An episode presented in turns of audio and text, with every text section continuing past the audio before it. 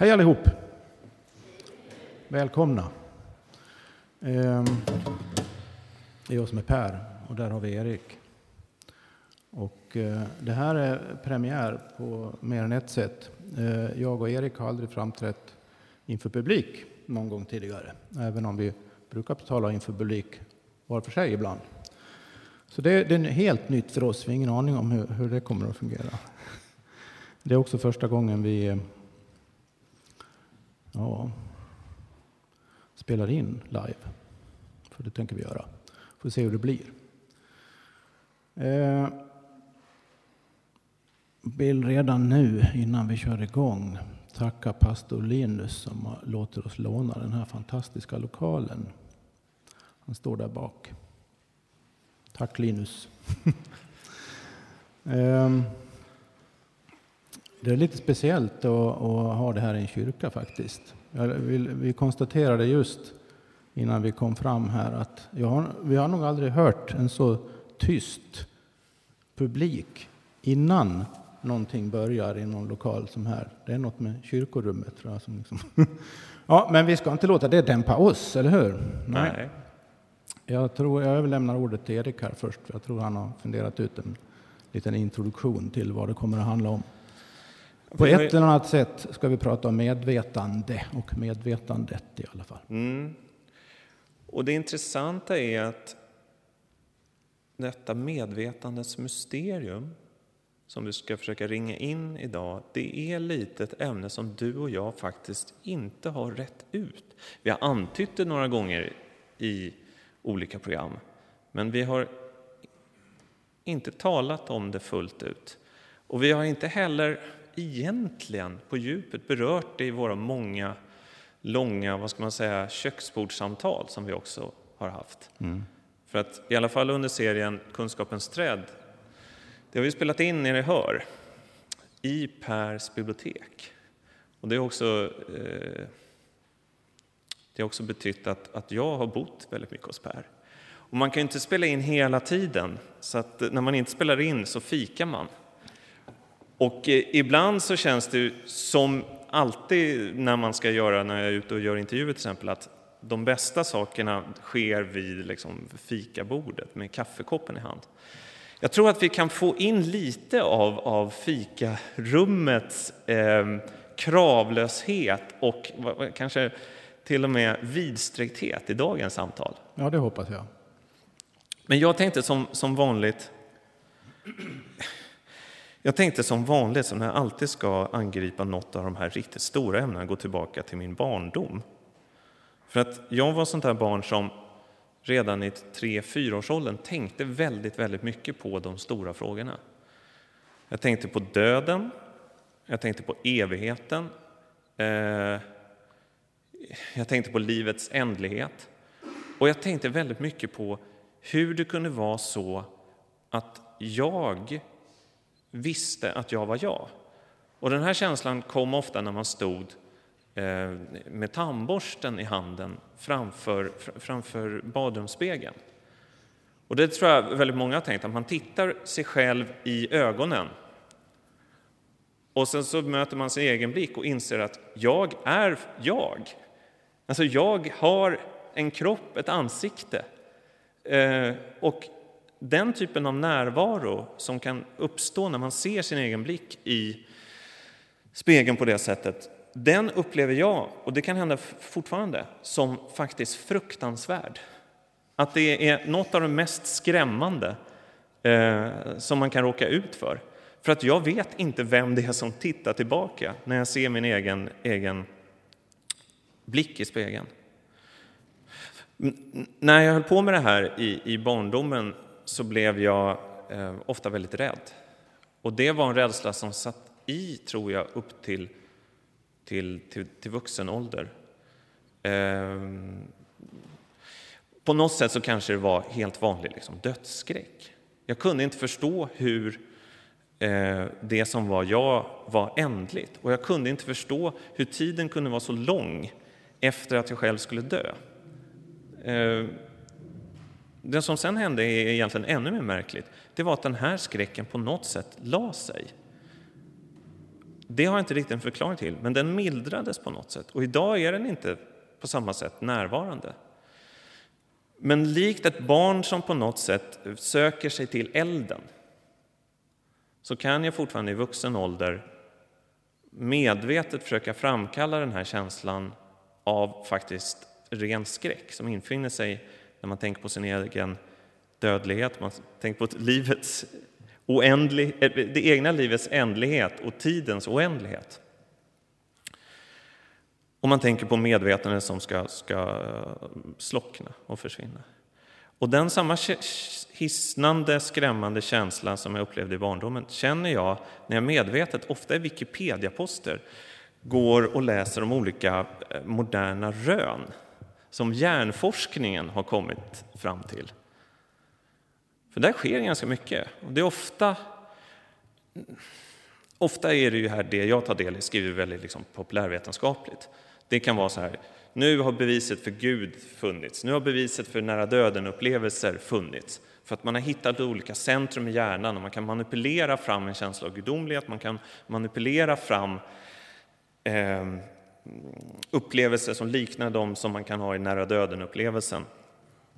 Man kan, man kan faktiskt med olika typer av naturvetenskaplig forskning komma väldigt långt i mysteriet eh, kring medvetandet.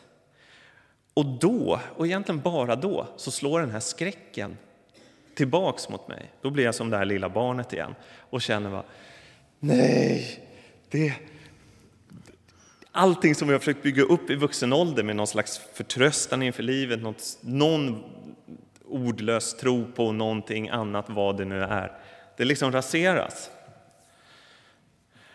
Och det spännande är eh, mellan oss Per, det är att jag tror inte så många vet hur vi egentligen träffades. Eh, jag ska göra en lång, inte så lång, en halvlång historia kort. Ehm, vi har en gemensam eh, vän som heter Jonas Andersson som jag skrev en bok eh, som heter Framtiden tillsammans med. Den handlar om digitalisering och skriven lite i någon slags reaktion mot piratrörelsen för fem år sedan. Ehm, det var en bok som fick väldigt blandade ehm, vad ska man säga, reaktioner. De flesta förstod ingenting. Men en dag så kom Jonas och var glad och sa Per Johansson har läst vår bok. Jag vet inte om han gillar den, men bara att han har läst den är stort. Och jag bara, Per Johansson, vem är det? Nej, men han har sin eh, tankesmedja-blogg som heter Infontology. Ja, så gick jag in och tittade på den. Ganska intressanta texter, visst. Eh, ja, ja, jag tänkte inte mer på det. Sen gick det någon månad och Jonas berättade att Per Johansson är uppe i Stockholm. Vi måste träffa honom. Okej. Okay. Vi sågs på restaurang Sveik, dit jag ofta går. Och jag förväntar mig då att jag ska träffa den här liksom, ja, men dataproffset. eh, liksom någon som ja, men så här, vet mycket om fildelning och sådär. Och vi slår oss ner vid bordet. Och jag har ofta, som jag har haft i sociala sammanhang under en tid, att jag i och med att jag är väldigt intresserad av liksom, teologiska frågor så brukar jag kasta upp som liksom, testballonger. Jag säger någonting om Bibeln. Eh, och Jaha, så säger jag liksom om det, det händer en testballong, det var det det var? Ja. Nej, men det, det, det, Bibeln är en testballong för att ja. se om någon, någon runt bordet hugger på det. Liksom. Är det någon som kommer tycka att det här, i och med att jag tycker det är så intressant att diskutera, så brukar jag liksom säga någonting. Och jag tror att vi började prata om black metal-musik. Och då hade jag liksom en liksom vag fundering kring att ja, men det är ju det är så dumt att vara liksom, black metal-ideologin är lite larvig för att Bibeln i sig själv har ju både liksom den extrema vad ska man säga, brutaliteten och det extrema ljuset. Allting finns ju i Bibeln. Liksom. Att, att se kristendomen som bara en snäll liksom, Jesus skulle med lammet-religion är lite banalt. Men det är aldrig någon som har huggit på den här liksom, ballongen tidigare. Men det gjorde du direkt. Och då tänkte jag så här, det här dataproffset alltså, eh, kan han saker om Bibeln? Och sen sa du, ja, jo, men jag har ju läst eh, Bibeln på eh, originalspråk också. Jaha, då har du läst den på grekiska och hebreiska? Ja, men det är klart. Eh, då tänkte jag, vänta nu, det här, måste vi, det här måste vi undersöka på något sätt. Och då hade jag en programserie som hette Den andra världen. Där jag gjorde liksom sökande samtal med olika personer. Så jag åkte ner till Per i, i, eh, i Hör. Vi sågs i det här biblioteket där vi har spelat in väldigt många av programmen. Och den kvällen, som resulterade i programmet som eh, fortfarande finns ute på Sveriges Radios sajt, heter Sök och du ska finna. Det var en av de, vad ska man säga, en av de märkligaste upplevelser jag på något sätt har haft. För att under den kvällen så gick... Det var som att många saker som jag funderat kring under så lång tid ställdes på sin spets och fick en helt annan inramning. Och i det här samtalet så finns det en antydan till ett svar eller en förklaring eller en vidare tanke som handlar om medvetandets gåta. Det antyds i det här programmet. Men sen dess, det här är ju två år sedan, tre, tre? Ja, två, två år sedan måste det vara. Två år sedan. Ja. Så har jag känt att vi hann inte färdigt den kvällen. För du beskrev en tanke som jag aldrig tidigare hade eh, kommit i kontakt med. Och den tanken handlade om just medvetandets gåta. Men du vände på den. Och din vändning var total. Eh, och det tänker jag att du ska få utveckla här. Men för mig har det varit vad ska man säga, en filosofisk insikt som jag, som jag har burit med mig sedan dess, grubblat väldigt mycket på och egentligen velat fråga mer om ända sedan dess. Och, eh, som jag minns det så sa du då att, till mig att tänk om det är tvärtom. Alltså i vår moderna naturvetenskapliga, upplysta värld så tänker vi på hjärnan som något materiellt och ur det, på något sätt, finns det ett medvetande. Det medvetandet kan själv vara en del av den mekanistiska eh, funktionen hos kroppen. Och så tänker ju väldigt många också. Men du presenterade här ett perspektiv som var helt annorlunda. Och eh, där någonstans tänkte jag att vi skulle börja. Ja, det fanns en tysk biolog på 1800-talet som hette Ernst Haeckel som var en av darwinismens främsta och argaste förespråkare i Tyskland eh, och på kontinenten. Eh, han lär ha sagt vid ett tillfälle så här att hjärnan utsöndrar tankar ungefär som njurarna utsöndrar urin. Och det sammanfattar ju den, vad ska vi säga, den materialistiska världsbilden ganska koncist och bra egentligen. Och um, jag tänkte vi, vi ska lite gradvis arbeta oss fram till det, tror jag. Hur man kan vända på det. Och tänk om det är medvetandet som producerar hjärnan, ungefär. Hur blir det då? då? Eh, men jag skulle vilja haka på en del av de grejer du sa först här, eh, faktiskt. Vi går lite som katten kring het gröt här ett tag. Eh, det här när du såg dig i spegeln och liksom, Vem är det? Ja, det, det, känner, jag, känner jag väl igen. Jag tror alla känner igen det där. Det är det som du säger, man kan, man kan extra lätt känna igen det när man ser sig i spegeln på något sätt. Men det kan komma när som helst. Jag brukar uppleva det fortfarande ibland. Rätt för det så kommer det liksom bara över en. Man går där och gör någonting, dammsuger eller någonting. Och så plötsligt, jag är jag. Mm jag är här nu, jag dammsuger. Så liksom blir det någon sorts... vet man inte riktigt. Ja, visst ja, ja, jag skulle ju dammsuga. Just det, ja just det. Sen ska jag diska och laga mat och handla allt möjligt. Ja, så, så var det liksom, puff, så försvinner det där och så är det som vanligt igen. Men, men de där korta ögonblicken då man bara liksom... Det, det är precis som en helt annan dimension. Det, det, det, är en helt annan värld, en helt annat liv som plötsligt liksom bara vidgar en för mycket, skulle jag säga. Man, man blir för stor, liksom. På något sätt, känns det som. Så tappar fotfästet. Jag kommer ihåg också en gång när jag var 12 kan jag ha varit. Jag hade varit nere på stan i Borlänge där vi bodde på den tiden. Eller jag bodde, mina föräldrar bor fortfarande kvar där. Och så stannade jag till av en anledning på gatan utanför vårt hus. Det var en strålande solig dag. Och så tittade jag upp rakt mot solen och så tänkte jag. Först var det lite den där jag är jag-känslan, men det, var, det slutade inte där utan det var eh, det var också en, en, en tanke som liksom slog mig i skallen så nästan ramlade av cykeln. Hur, hur kan det finnas någonting överhuvudtaget? Alltså hur, hur kan jag vara här? Hur kan gatan vara här? Hur kan solen skina? Alltså, jag tänkte inte allt det där, utan det var bara liksom en enda omedelbar eh, fråga. Hur kan det överhuvudtaget finnas någonting? Och jag tror det var då jag började tänka, liksom. sen har jag inte slutat sen dess. Eh, så, och det, det här säger ju väldigt mycket om, om olika subjektiva sinnestillstånd då, som man kan drabbas av, eller ha, eller leva i.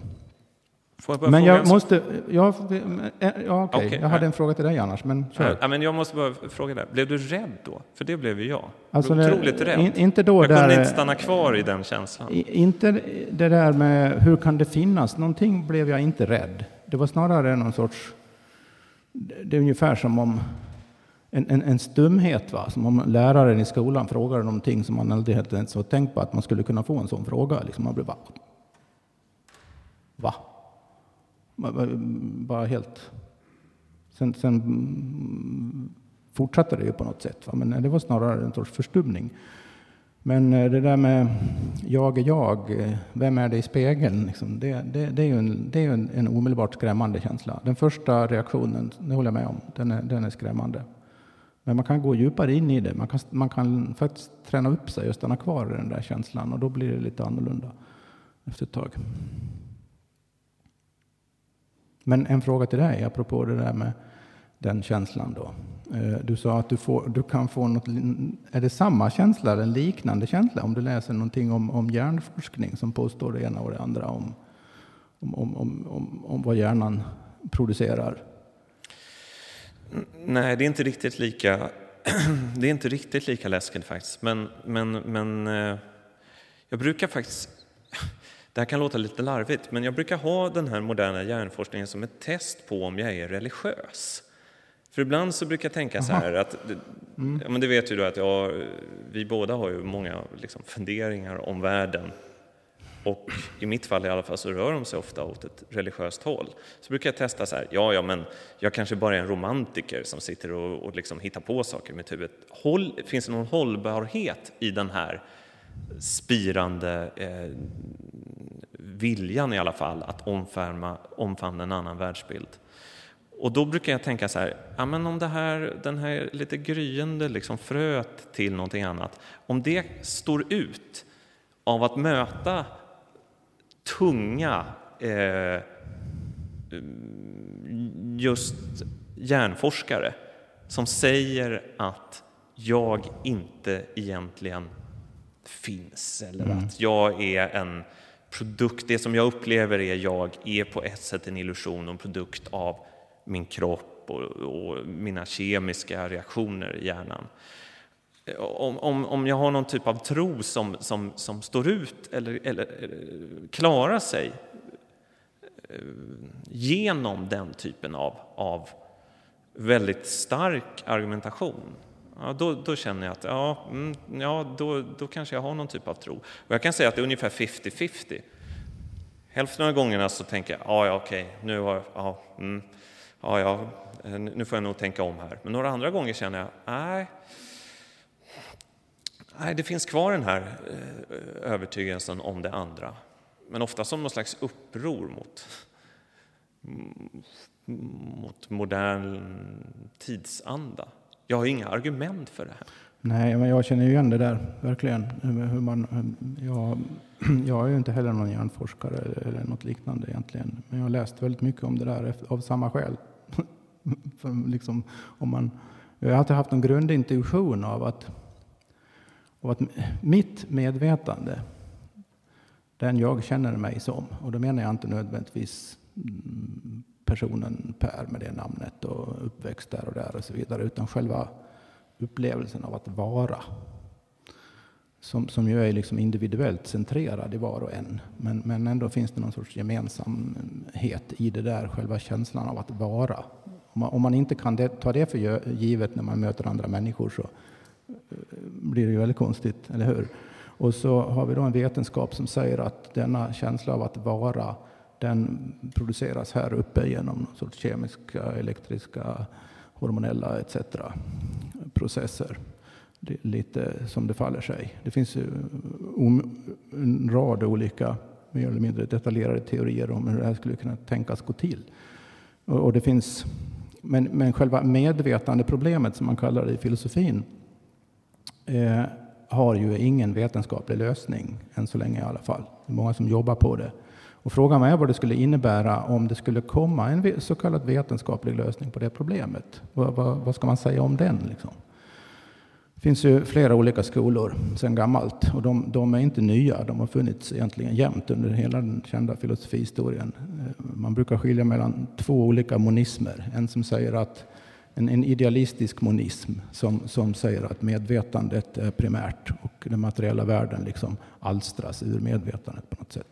Den andra är en, en, en, materialistisk monism då som säger tvärtom, att medvetandet är sekundärt, materien kommer först och så blir det medvetande på något sätt om det blir tillräckligt komplext och invecklat.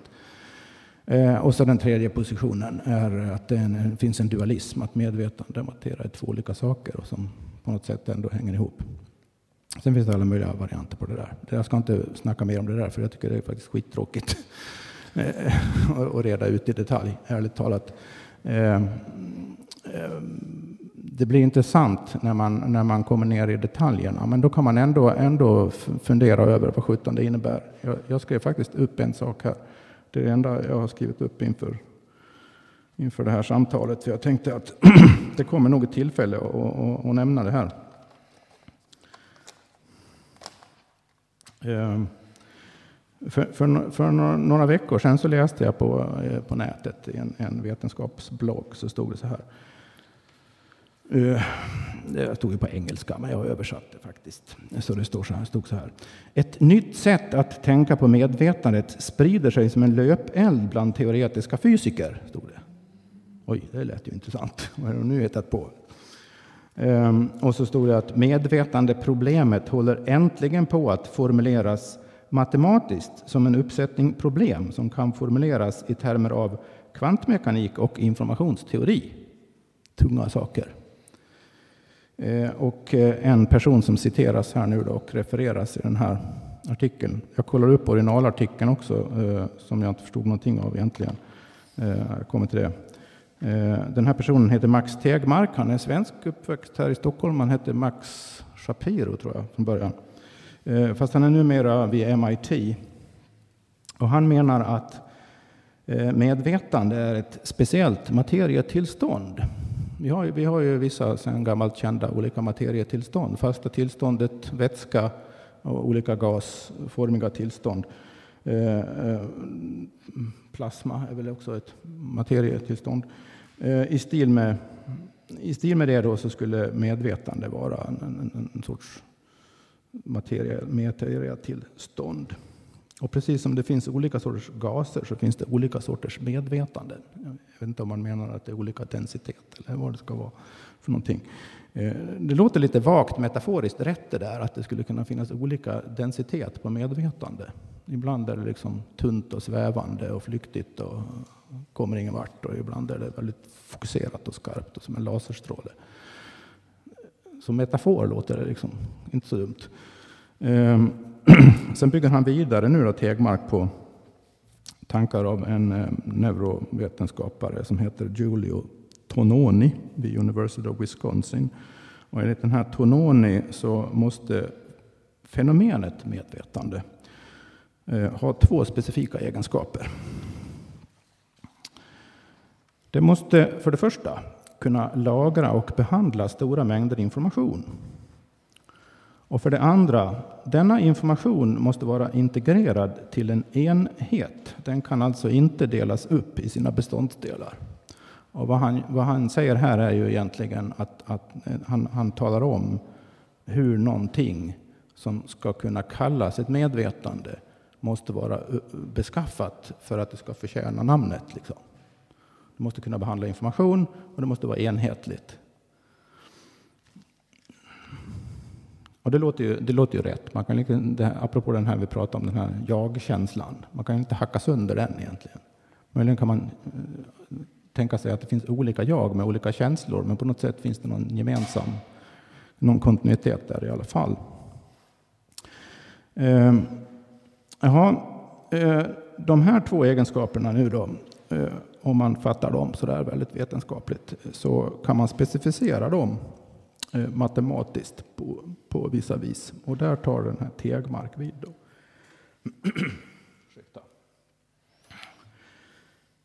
Han kallar medvetande då för perceptronium. Det är bra att hitta på, på nya ord när man mm. försöker säga något nytt. Eh, och ett perceptronium är den mest allmänna substans som känner sig medveten. Vi fortfarande kretsar vi kring det här vi pratar om, den här, liksom, den här känslan, jag-känslan kan vi kalla det kanske. Och eh, den innebär också ett visst givet oberoende av externa intryck. För det är också någonting man upplever att om man, om man skulle stänga av alla externa intryck, det kan man ju göra väldigt avancerat, sinnesdeprivation, eh, så är ju medvetandet finns ju där i alla fall. Mm. Så på någon sorts, åtminstone relativt oberoende av, av, av, av yttre sinnesintryck eh, kännetecknar det då. Ja, och så går resonemanget vidare. Eftersom det här medvetandet är ett fysiskt fenomen så måste det vara principiellt begripligt på kvantmekaniska grunder. Och där någonstans tappar jag, liksom jag tråden. För när jag kollar upp Uppsatsen här så består den bara av massa formler som jag inte kan begripa. Då måste man ha läst några år kvantmekanik förmodligen för att förstå vad sjutton han pratar om. Och eh, hur ska man förhålla sig till sånt här? För det här är ju egentligen e-, ett av de senaste exemplen på ett vetenskapligt sätt att resonera kring vad är medvetande i stil med det här du har läst andra populära framställningar om. Jag, jag kan, under, under rätt många år var jag otroligt fascinerad av, av, av, av det här, sån här forskning. Ehm.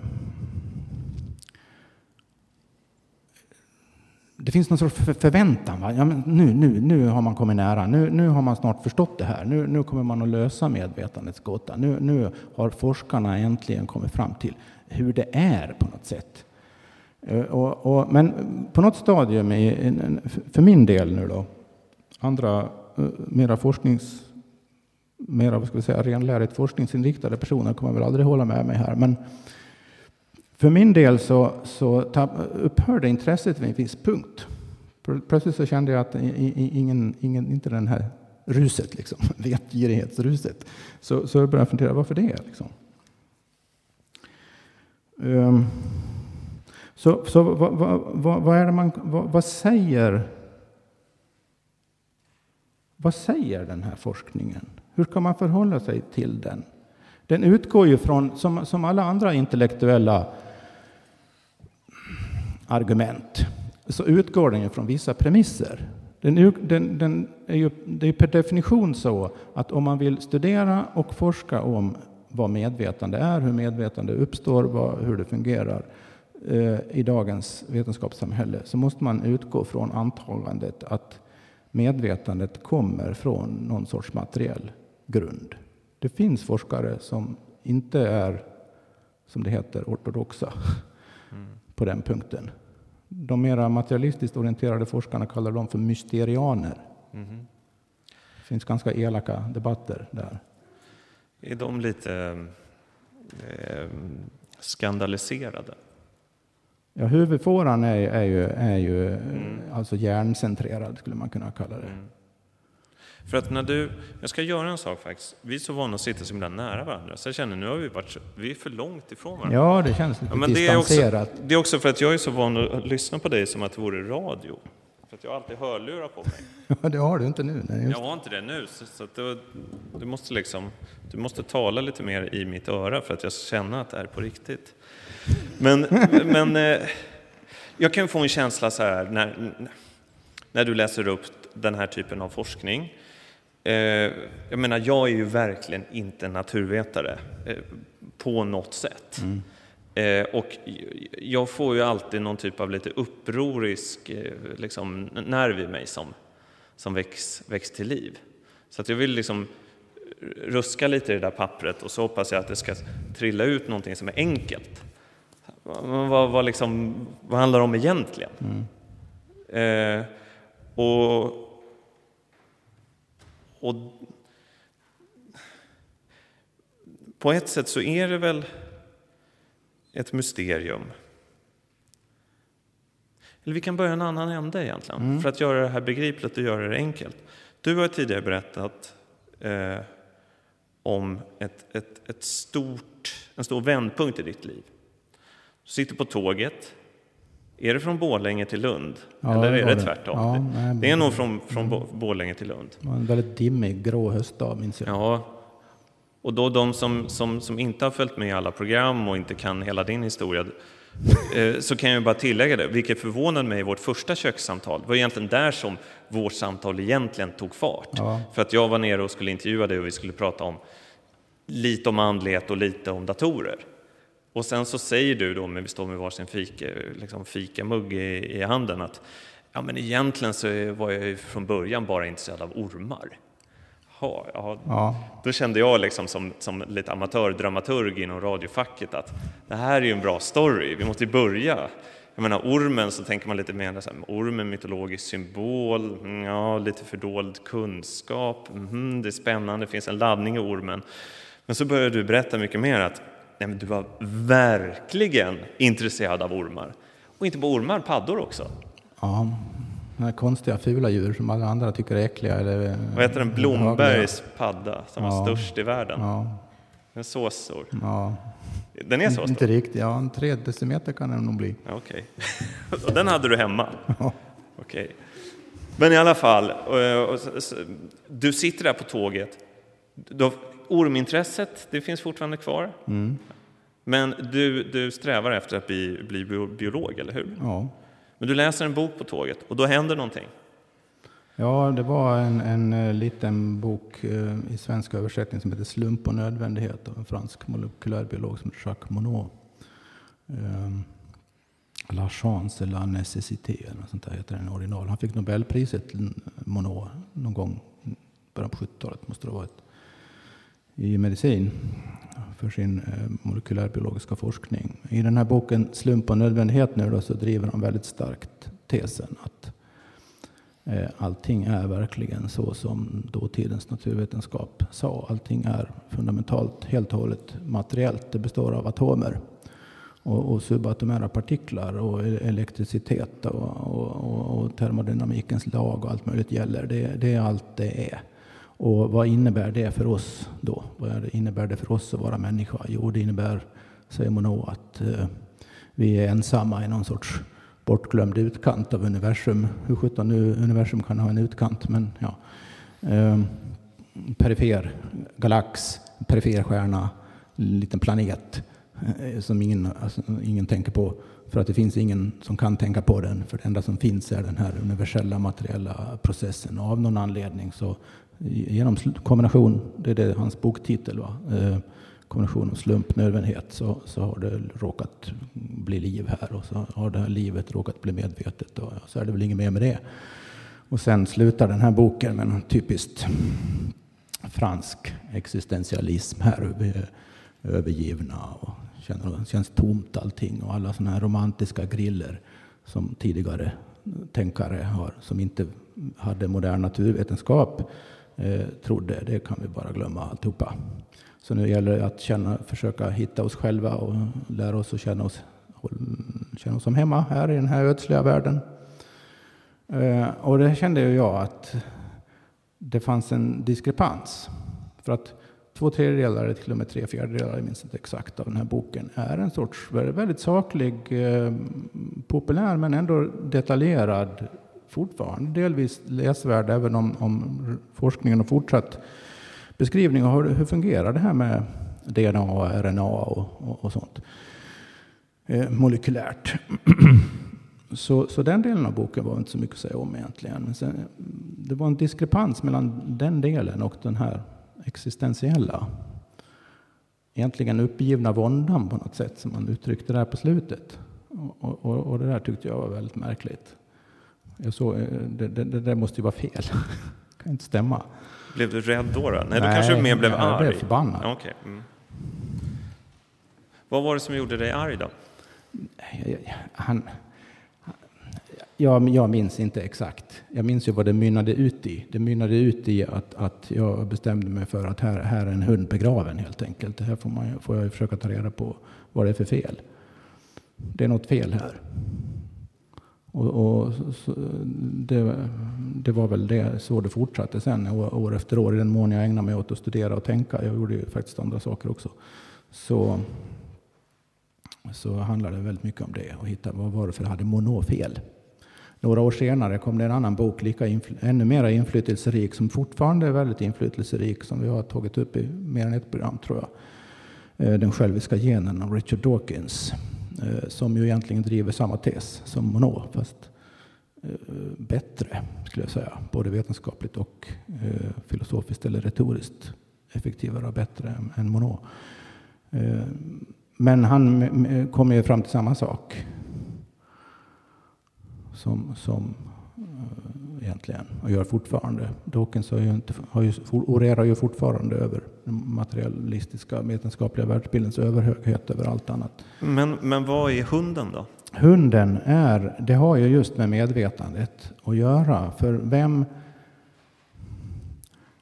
Man kan, ta, man kan ta en väldigt vardaglig vändning eller variant av problemet. Säg att någon är otroligt djupt deprimerad och säger allt är totalt meningslöst. Det finns absolut ingen mening. Jag tar livet av mig. Jag, jag pallar inte längre. Jag, jag ger upp. Jag, jag sticker en kniv i mig, jag tar sömntabletter, hoppar framför ett tåg, vad som helst, bara jag slipper den här meningslösheten. Där finns ju en paradox, för att om, om, om, om livet verkligen är meningslöst, då behöver man inte ta livet av sig, eller hur? Alltså, varför ska man ta livet av sig för att livet är meningslöst? Det, alltså det måste vara det absolut säkraste tecken som finns på att det finns en otroligt djup mening i livet, att man upplever det som meningslöst. Det, jag, jag har själv svårt att tänka mig en mer meningsfull upplevelse. Eller hur? Mm. Och den para, det, det, är en så... den, para, det är en variant på samma paradox som du har i, i de här eh, materialistiska påståendena om, om, om medvetandet. Mm. För, för vem är det som säger det? Mm. I grund och botten är ju bara ett intellektuellt resonemang utifrån vissa premisser. Du, du gör vissa antaganden. Mm. Det finns bara materia. Och så finns det, efter, jag vet det eftersom jag är människa, någonting som jag upplever som ett medvetande. Men eftersom jag intellektuellt har antagit att det enda som finns är materia, så måste jag förklara mig egentligen utifrån materiella premisser. Men de har ju ingen mening. Det är ju bara en massa uh, fysikaliska processer. Så, så, det, så det, det, det, är något paradoxalt i själva ut, utgångspunkten. Varför prioritera en idé om materia framför mig själv? Det, var på något sätt det som retade mig. Jag tyckte det var mm. konstigt. Det tycker jag fortfarande är väldigt egendomligt. Varför ska man prioritera en, en idé om världen egentligen framför sin egen upplevelse av världen? Eh, alltså, det är lite roligt, för att när vi argumenterar så här, det är många som kommer fram till mig men alltså, som har hört de här programmen, och särskilt det här första programmet som kretsar lite kring de saker vi pratar om nu. Och så börjar de då anklaga mig för det ena och det andra och då blir jag som din profet som ska liksom förklara. Nej, men Per tänker nog mer så här. Eh, men då brukar de säga till mig, jo men om jag säger någonting som liknar det du sa nu, eh, så säger de, jo men vadå, det spelar ingen roll vad du känner. Det här är naturvetenskap, det här är empiri, det här är saker som man har sett i forskning. Du kan ju vara helt bedräglig, du kan ju vara sinnessjuk eller du kan få uppenbarelse, vad som helst. Du som enskild människa har väl inte något mandat att uttala dig om vad världen är. Särskilt inte i och med att du har en hel forskarkår på tiotusentals, hundratusentals människor jorden över som ändå på ett sätt eh, eh, verkar utifrån att, det finns, att, att den materialistiska världsbilden är korrekt. Mm. Hur ja. Ja. Och då, då känner jag så här, Eh, ja, ja, vad skulle Per sagt nu? Eh, ja, men han skulle nog sagt att det finns ett samband mellan medvetande och mening. Och, och sen så förirrar jag mig in i att jag inte riktigt kan liksom evolutionsbiologi. Men då brukar jag säga att jo, men tänk om, om livet var meningslöst, alltså livet vill ju ändå leva och att tycka att livet är meningsfullt är ändå någon typ av anpassning till någonting reellt i världen, för annars så skulle vi inte... Och sen så tappar jag lite orden, för kommer inte längre. Men det är här du ska få ta vid nu. Det finns flera ändar man skulle kunna börja i. Men eh, om vi börjar väldigt konkret så finns det ju inget, ingen sinnlig organism överhuvudtaget. Då kan man, ju, man kan börja med en amöba. Man kan tänka på en mask eller en snigel eller en bofink eller vilken levande varelse man kan komma på, en, en pelargon, så existerar den ju bara i relation till en omgivning i vilken den kan trivas och frodas och föröka sig. Så omgivningen är egentligen lika mycket en del av organismen som organismen själv. Det råder en ständig interaktion däremellan. Man kan, liksom, man kan inte tala om miljö som skilt från någon för vilken det är en miljö. Så vattnet är, intim, vattnet är intimt eh, sammanbundet med fisken? Utan fisk eller andra levande varelser i vattnet finns inget vatten. Nej. Fysikaliskt kan man påstå som en teori att det finns vatten. Men rent erfarenhetsmässigt kan det bara finnas vatten om det finns någon som erfar vattnet. Aha. Så, så, länge man, så länge man talar om om, om, om levande varelser så har du alltid någon sorts, om en outvecklad eller primitiv eller enkel eller hur du nu vill kalla det, mentalitet som den ena polen. Liksom. Mm. Och så har du en, en, en, en yttervärld som den andra polen. Mm. Så du har alltid de här två polerna. Mm. Och då blir det för det första väldigt konstigt att försöka förklara den ena polen, själva sinnet så att säga. The mind som man säger på engelska i, i, i termer av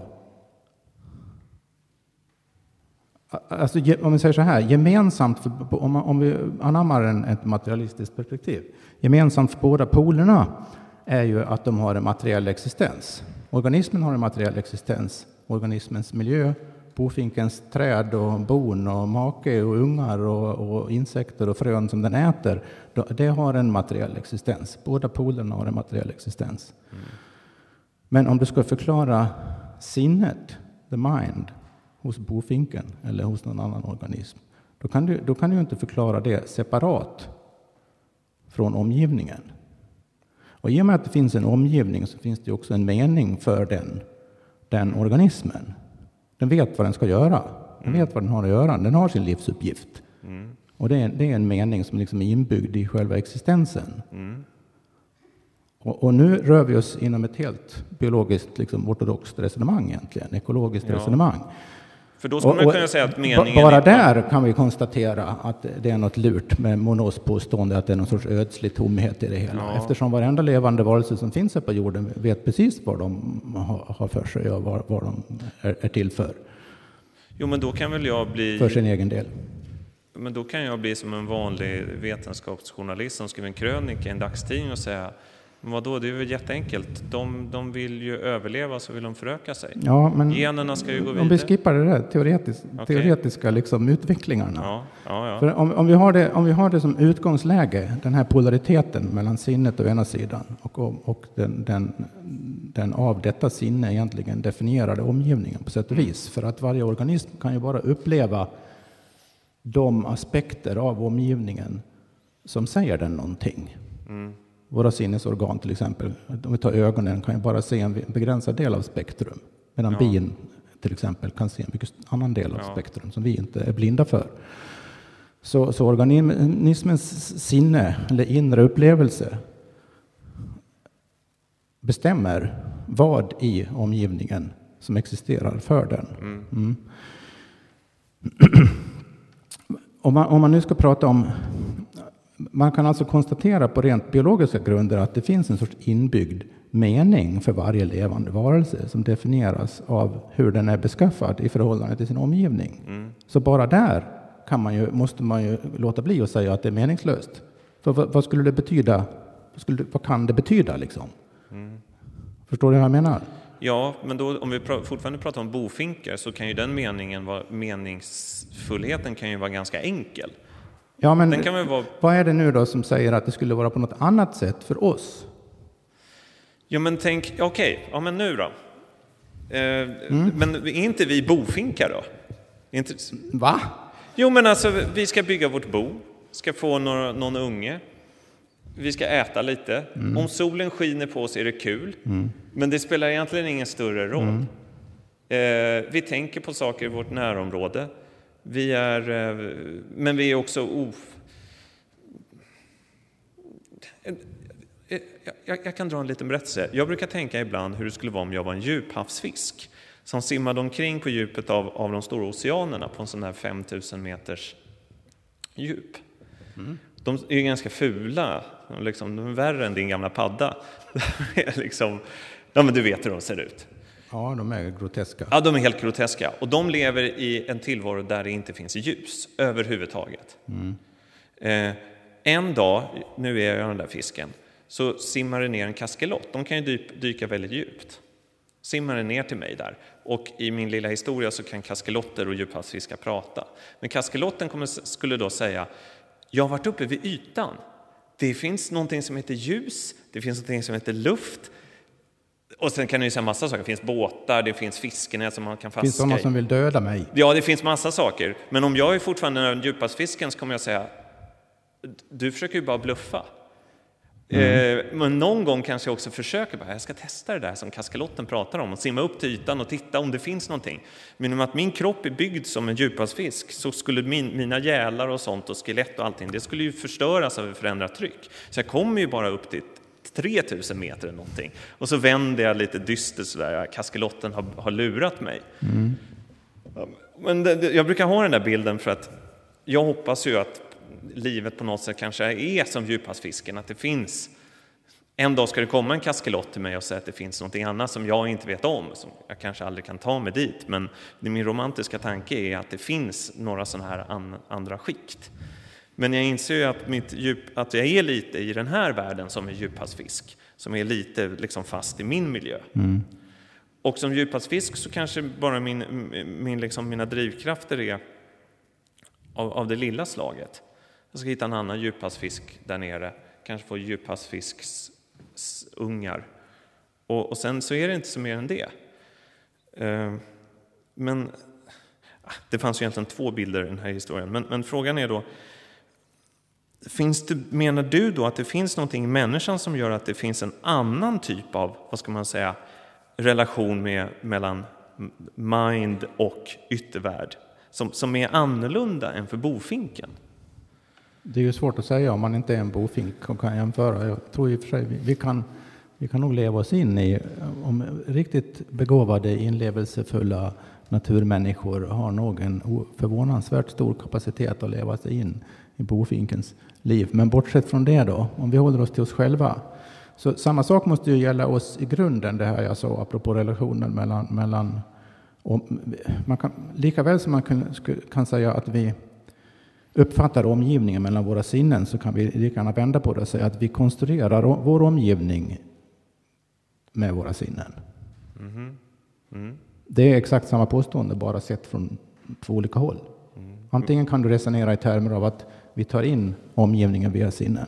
Men du kan lika gärna vända på det och säga att vi konstruerar omgivningen via våra sinnen eftersom de begränsar den, den teoretiskt kända fysiska verkligheten begränsas av våra sinnen på ett sätt som gör de delar av den som vi har någon nytta av ungefär mm. tillgängliga för oss. Mm. Vad är det vi gör? Vad är det jag gjorde just nu när jag resonerade så? Det måste finnas någon, någon överordnad, vad ska vi kalla det? Ska vi kalla det en ande nu när vi är i kyrkan?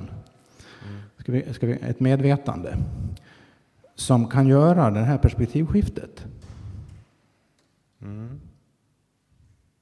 Så en, en, en, sak vi säkert kan iaktta var och en som har den minsta reflekterande tankeförmåga är att konstatera att det måste finnas minst två nivåer av medvetande. Mm.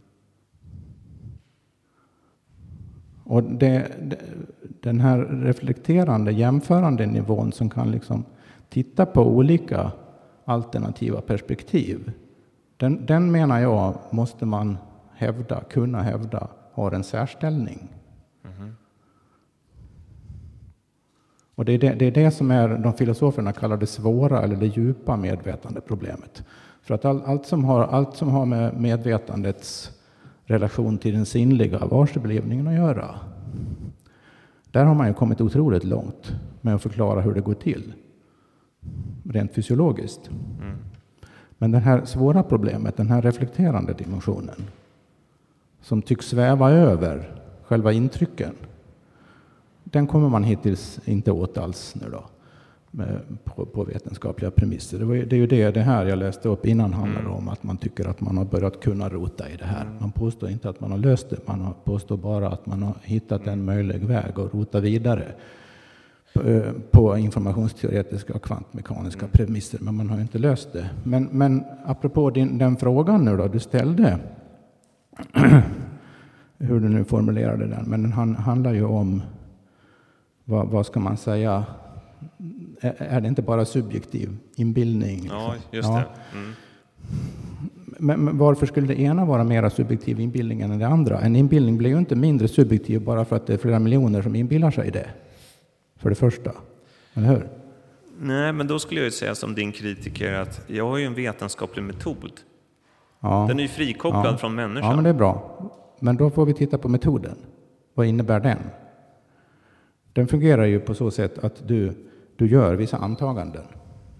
Utifrån de antagandena, de kan du aldrig bevisa. De fungerar som axiom i logiken. Du, du, du antar någonting. Tänk om det är så här. Och så konstruerar du en hypotes på grund av de, grundval av de antagandena. Och så drar du vissa slutsatser av den hypotesen. Om det förhåller sig på det här viset så borde det, om jag studerar det och detta, för, eh, visa sig på det och det här sättet. Man gör en, en, en teoretisk förutsägelse om hur, hur någonting i världen borde bete sig, om det jag har antagit stämmer. Mm. Och så gör man diverse empiriska undersökningar för att se om det stämmer eller inte. Mm. Och så stämmer det inte alls skit också. Liksom. Mm. Ja, då, då, då har man konstaterat att de antagandena man gjorde då, de, de duger inte. Ja, då får man göra nya antaganden. Och så upptäcker man att ja, men det stämmer. Ganska mycket, men inte helt. Så har man någon liten rest där som inte stämmer. Mm. Och så håller det på. Va? Det är liksom en, en, en sorts hypotesprövning hela tiden. Man kastar ut en, en, en, tanke och så testar man den och så har man eh, otrevliga kollegor som säger att du har fel och, och, och försöker motbevisa en. Och det är så vetenskap fungerar, en ständigt liksom prövande och ifrågasättande. Mm. Sen ibland så befästs det under längre perioder när man inte kommer någon vart, skulle man kunna säga, en sorts ortodoxi. En, en sorts gemensam övertygelse om, om, om vilka premisser som gäller. Mm. Och, och, på, på 1800-talet så hade man väldigt stark ortodoxi i fysiken som sa att nu har vi upptäckt allting som man kan upptäcka i fysiken. Nu är det bara lite restkalkyler kvar ungefär. Sen, sen, gick det några år och så kom både relativitetsteori och kvantmekanik och så visste man ingenting längre. Så, så, så, vetenskap är ju ingen fast materia precis. Och, och den fungerar som, som ett, ett ständigt pågående intellektuellt experiment skulle man kunna säga. Mm. Ja, och, och, och, vad, är, vad är själva... Vem är aktören i det experimentet? Det är ju vi. Ja, det är det ju. Det är ju medvetanden som är aktörerna. Och det finns ju en spännande paradox här och det är ju att vi tar Jacques Monod då, vars bok du läste, där han skrev om den tomma meningslösa världen. Det som hände när han skrev eh, den boken var ju på ett personligt plan att hans liv blev otroligt meningsfullt. Alltså, förstår, förstår du den paradoxen? Ja, ja, jo, att, att genom att sägas att livet är meningslöst så väckte ju han någonting i människor genom den alltså sant eller inte. Mm. Han väckte någonting i människan. Han fick ju till, man kanske fick Nobelpriset innan i och för sig, men han blev i alla fall väldigt upplyft på många sätt. Han kanske fick nya kompisar. Han kanske kunde sitta på sitt franska fik och liksom hålla hov i tio år framåt genom den här slutsatsen. Så att på honom, på en personlig nivå, så var det ju otroligt meningsfullt och berikande att säga att, mm. att, att livet har då, då kan man, ja, precis, då, då, kan man ju fråga sig så här, va, va, vilket, vil, var finns den egentliga meningen i helheten här? Är det i boken Slump och nödvändighet och dess teoretiska tes och filosofiska slutsats? Mm. Eller är det i Monots eget liv? Ja. Vilket är mest meningsfullt? Och jag tycker det skulle vara otroligt konstigt att säga att boken är mer meningsfull än Monod. Mm. Men, men för att... Men, ja. Mm. Men jag tänker att vi, vi ska börja närma oss kärnan i det här. Mm, nu har vi kretsat till det. Ja, nu, nu, du, för att jag ställde ju frågan liksom mm. direkt. Det är ju nästan en timme sedan. Ja, det, Så nu, nu, nu, nu, måste vi gå in i någon ja. typ av, eh, kanske inte mystikens mörker, men, men eh, på något sätt vända blad här. Alltså, men om vi börjar här, vi har ändå kvar bofinken på något sätt. Finns det någonting eh, eh, som, om vi tittar på det här med mening och allting, alltså på, på vilket sätt är människan inte en bofink skulle du säga? Men det behöver du inte fråga mig om, det kan du fråga vem som helst här. Jo, jo, men då får vi också det där. Men det är ja, ju bara vad jag nej, tycker. Nej, nej, nej, nej, men alltså det, det där är ju enkelt. Det är bara att konstatera att vad vi vet så skriver bofinkar inga böcker och gör inga radioprogram och Nej. åker inte till månen och mm, bla bla bla ungefär. Det, det, är uppenbart att, att arten människa ja. gör och, och, och klarar av och, och ägnar sig åt en massa saker som ingen annan känd djurart är, gör. Ja. Däremot man kan anta, om man, om man håller sig till det här med korrelationen mellan hjärnans komplexitet och eh, medvetande, så tycks det finnas en del andra organismer som har, förmodligen har väldigt hög grad av medvetande. Men det fungerar uppenbarligen på ett helt annat sätt ja. än vårt. Men den stora frågan är ju här att allting som vi gör utöver det bofinken gör, alltså bygga bo, föröka oss, äta, ja, det är ungefär det. Är det bara om vi, vi kan använda ordet evolutionärt, alltså antingen, vi har varit inne på det här på, i ett av våra program, men vi tar det igen. Alltså, antingen är det bygga kyrkor, hålla föredrag, spela in podd, mm. eh, köpa kläder, eh, vattna krukväxten, eh, fixa elektricitet till lamporna. Det är egentligen bara som en enda stor påfågelstjärt.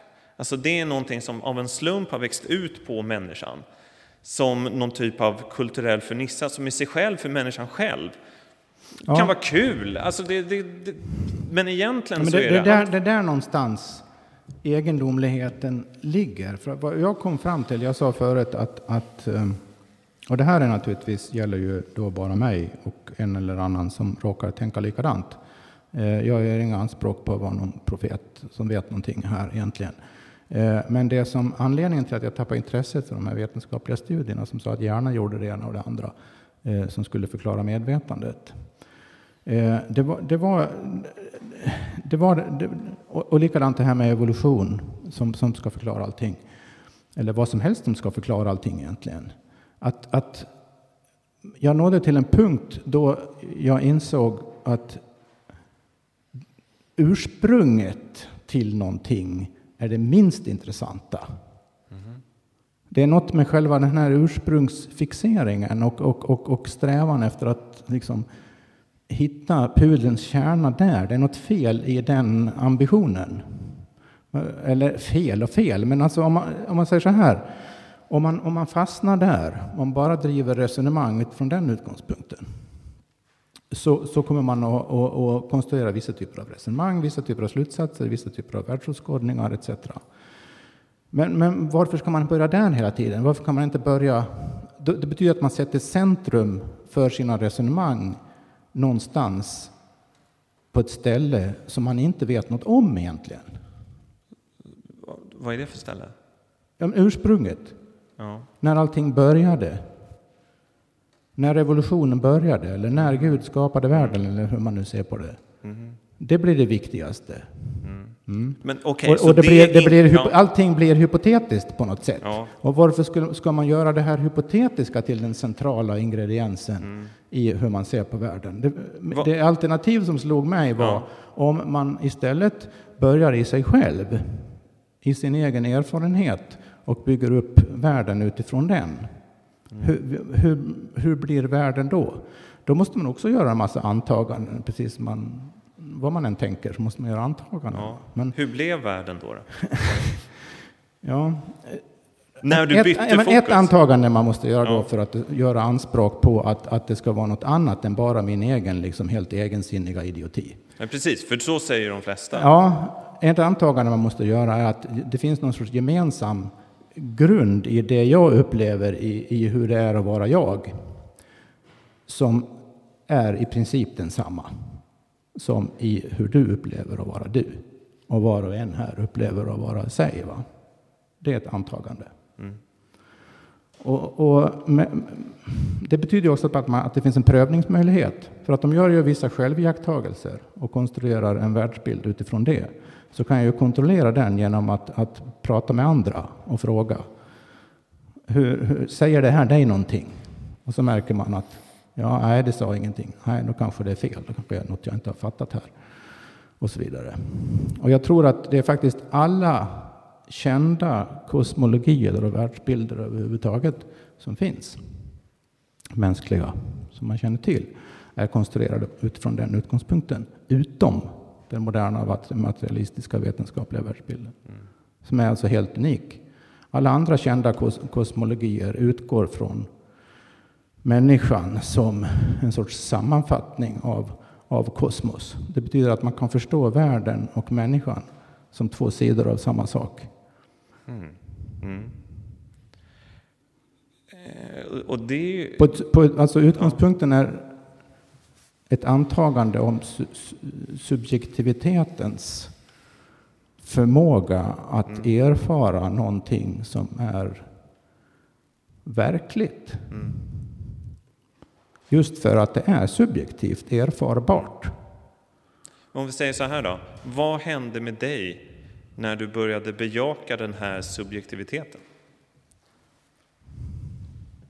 Ja, så himla revolutionerande. På ett sätt var det ju inte. Alltså, det var väl snarare, snarare att, att, att det, det kändes ju helt naturligt. En intellektuell konsekvens det fick, det var ju att jag plötsligt insåg att, med för 17, jag kommer ihåg jag öppnade det är också en sån där grej jag kommer ihåg. Eh, av någon anledning så, eh, det var några år senare, så var jag på Lunds stadsbibliotek och så hittade jag en bok där i en hylla som jag inte brukar gå i, nämligen C, religion. Och där stod en bok som hette Den tibetanska dödsboken. En, en förkortad översättning och kommentar av Evans Wentz, minns jag. Den lånade jag, för det lät ju skitkult. Dödsboken liksom. Mm. Ja, jag hade hållit på med giftormar och sånt innan. De var ju intressanta bara för att jag kunde dö av dem. Och då, den tibetanska dödsboken, det var, det var liksom häftigt. Så, så det var bara därför jag lånade den. Mm. Och, och, så en dag så cyklade jag ut till Dalbyhage och satte mig där och läste den här tibetanska dödsboken. Och, så blev, och, och, och först, för, första sidorna förstod jag liksom ingenting. Sen plötsligt öppnade jag någon sida, jag har faktiskt glömt exakt vad det stod där nu. Men så, så, så plötsligt så insåg jag, ja men jag förstår ju det här. Hur kan jag förstå det här? Den här tibetanska buddhistiska mystiken, den är fullt, fullt begriplig. Så fortsatte jag, blev jag intresserad av, av, av sådana här gamla, gamla religiösa metafysiska skrifter och studerade den ena efter den andra. Och upptäckte att det, var, det, var, det här var ju inget konstigt. Och, och sen när jag blev, reflekterade mer och mer över det där så insåg jag att, skulle jag kunna hävda nu då, att det, inga sådana här religiösa metafysiska teorier som verkar så konstiga.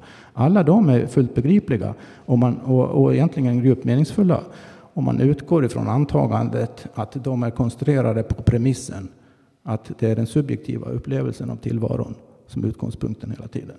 Inte ett antagande om hur den objektiva så kallade världen är beskaffad. Mm.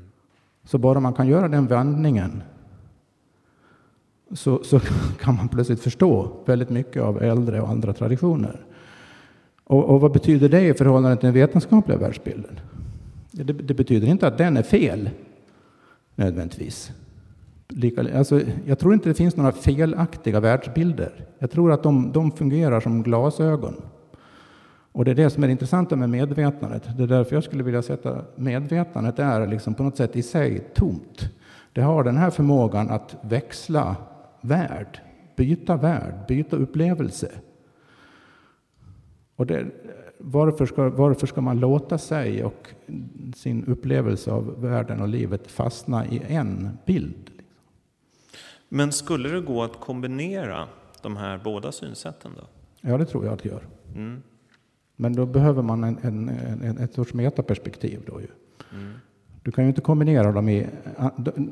Det vanliga är ju, man stöter på är att man har en, någon, någon sorts, låt oss lite vanvördigt kalla det, en acceptabel vetenskaplig världsbild som utgångspunkt. Och så förklarar man olika religiösa och, och, och esoteriska eh, läror och fenomen och upplevelser eh, utifrån det. Då, då, då kan man kunna säga att då reducerar man de traditionerna, de tankarna, de upplevelserna andra, till andra termer. Men man kan ju också göra tvärtom. Man skulle kunna ta, någon, kunna ta sufisk mystik och förklara modern vetenskap i dess termer. Det skulle bli en helt annan förklaring, eller hur? Mm. Men det är fullt möjligt. Mm. Men vill du, vill du ha med båda i samma, då, då måste du konstruera ett nytt metaperspektiv. Men om man ska Hur göra... det skulle se ut, det vågar jag inte säga. Men, men rent teoretiskt är det ju det som krävs. Men om man ska göra det enkelt då, alltså om man ska avkräva något typ av svar ändå. Man kan ju få fråga i alla fall. Vad kom först? Medvetandet eller världen? Hönan eller ägget? Mm. Ja, inget. Båda och inget, skulle jag säga eftersom de förutsätter varandra. Du kan inte ha en värld, du kan inte ha en värld utan ett, någon som är medveten om en värld. Du kan inte ha ett medvetande som är medveten om en värld utan en värld, alltså de förutsätter varandra. Du kan inte ha en insida utan en utsida. det är därför det, man i metafysiska sammanhang säger att först, först finns det bara en enhet som är egentligen ingenting. Den går inte att, att, sätta ord på överhuvudtaget. Det är absolut det är obegripligt. Det är bortom både ja och nej och allt och inget. Och det, det, det är helt liksom men det är ändå det, obegripligt. Men det är ändå det ursprungliga? Ja, men man säger att det börjar där. Men det är också ett sånt här antagande man gör. Va? Och, så, och så säger man att, att den delar sig i två. Och de här två, det är ju insidan och utsidan. Subjektet och objektet. Organismen och dess värld. Mm. Människan och dess, dess, dess upplevda verklighet de två delarna. Och ur det kommer sen mångfalden av allt annat. Skulle man kunna kalla det här första tillståndet för Gud? Man kan kalla det vad man vill, men klart man kan göra. Det, det, det gör man ju i de traditioner man pratar om Gud som det högsta, så, så sätter man ju det namnet på det absoluta. Mm. Men det är kanske orden är mindre väsentliga än att man förstår själva föreställningen. Men eh, det som hände i det här programmet som vi inledde med att prata om, det är ändå att jag upplevde som att du presenterade ett sätt att se på världen där man faktiskt fullt ut kan bejaka ett, ett, ett perspektiv som är tvärtom. Alltså att medvetandet är det som på något sätt kommer först. Sen så är det klart att det måste ske någon slags, slags mm, samklang. Men jag menar för att... Eh, om man är skolad i en uppfattning om där, där, där världen är väldigt materiell och medvetandet är en liten gåtfull sak som man kan tänka på på sin fritid, då är det ett ganska stort steg att, att försöka, försöka liksom komma nära den här tanken att man kan se hela verkligheten i två olika äm, ämdar. Om man har den här utgångspunkten om att en, en absolut början som sen delar sig i två och sen delar sig i ännu fler delar. Sen har man liksom hela den mångfaldiga världen. Mm. Ut, utgångspunkten där måste ju vara per definition icke-materiell. Så uh, subjektivt eller upplevelsemässigt eller erfarenhetsmässigt eller vad ska vi säga? Uh, vardagligt subjektivt begripligt skulle det kunna bli kanske om man säger att istället för att tänka att världen existerar helt oberoende av mig och så kommer den in här i mig på något vis. Och så är jag här inne och tänker på den. Det, det är det vanliga sättet att se på något vis. Ja. Ja. Men istället skulle, om man vänder på det så skulle det innebära att jag här inne är utgångspunkten. Och vad jag i själva verket gör är att jag liksom alstrar världen runt omkring mig. Och det gör vi allihop. Du och du och du och du, alla här alstrar liksom sin värld runt omkring sig. Men, men av någon anledning så har vi börjat alstra våra världar tillsammans. Mm. Så att det är ju inte, jag har ju liksom inte alstrat den här kyrkan och er andra som sitter här, utan, men på något sätt så kanske vi alstrar det gemensamt. Och så, så länge vi är, gemensam, är övertygade om att, att det finns någon sorts gemensam verklighet här, så håller det. Mm. Men skulle vi alla samfällt samtidigt inse att, eller börja tvivla på att nej, vi är nog inte varken i Stockholm eller i Sankt Peters kyrka. så Men... skulle det kanske liksom börja upplösas runt omkring oss här och så skulle vi befinna oss i något helt annat tillstånd och bli lite vilsna och så vidare.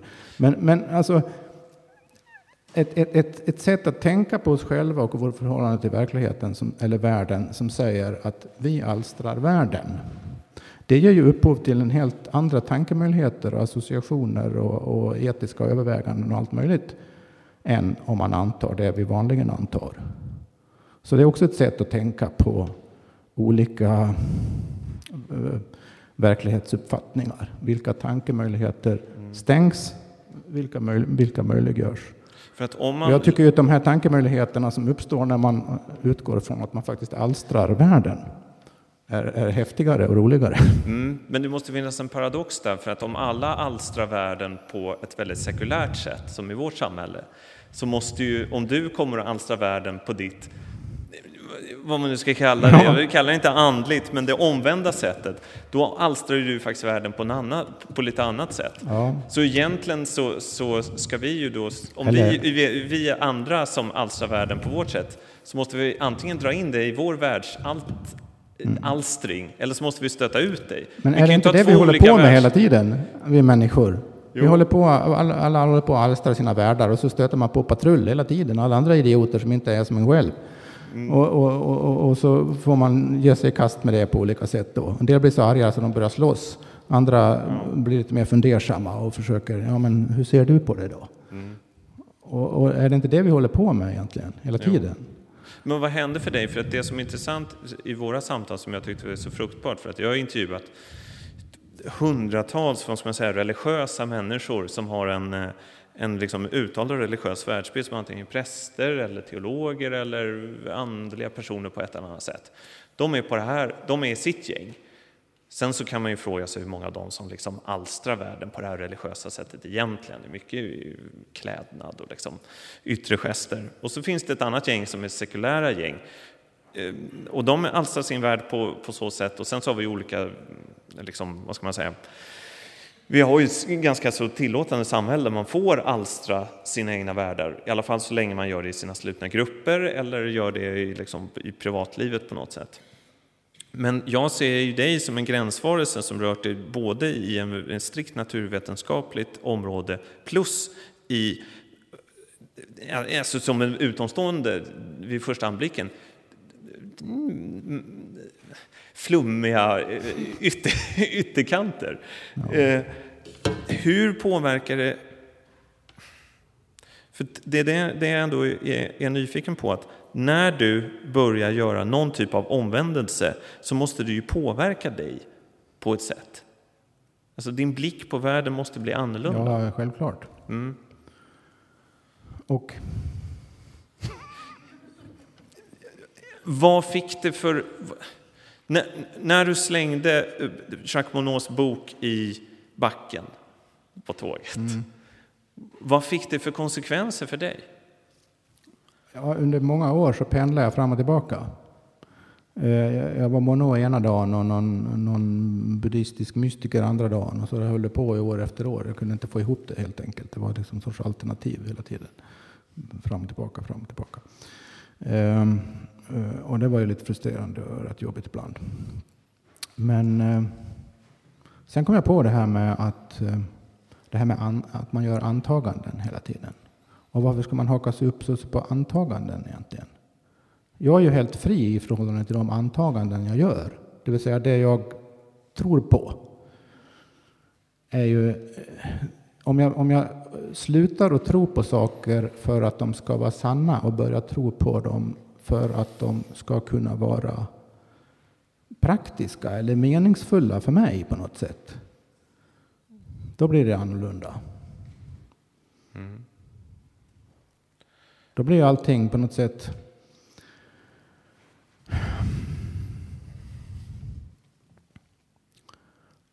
Ja, det här är ju svårt alltså. Det, alltså det finns egentligen inget godtycke i det, skulle jag säga.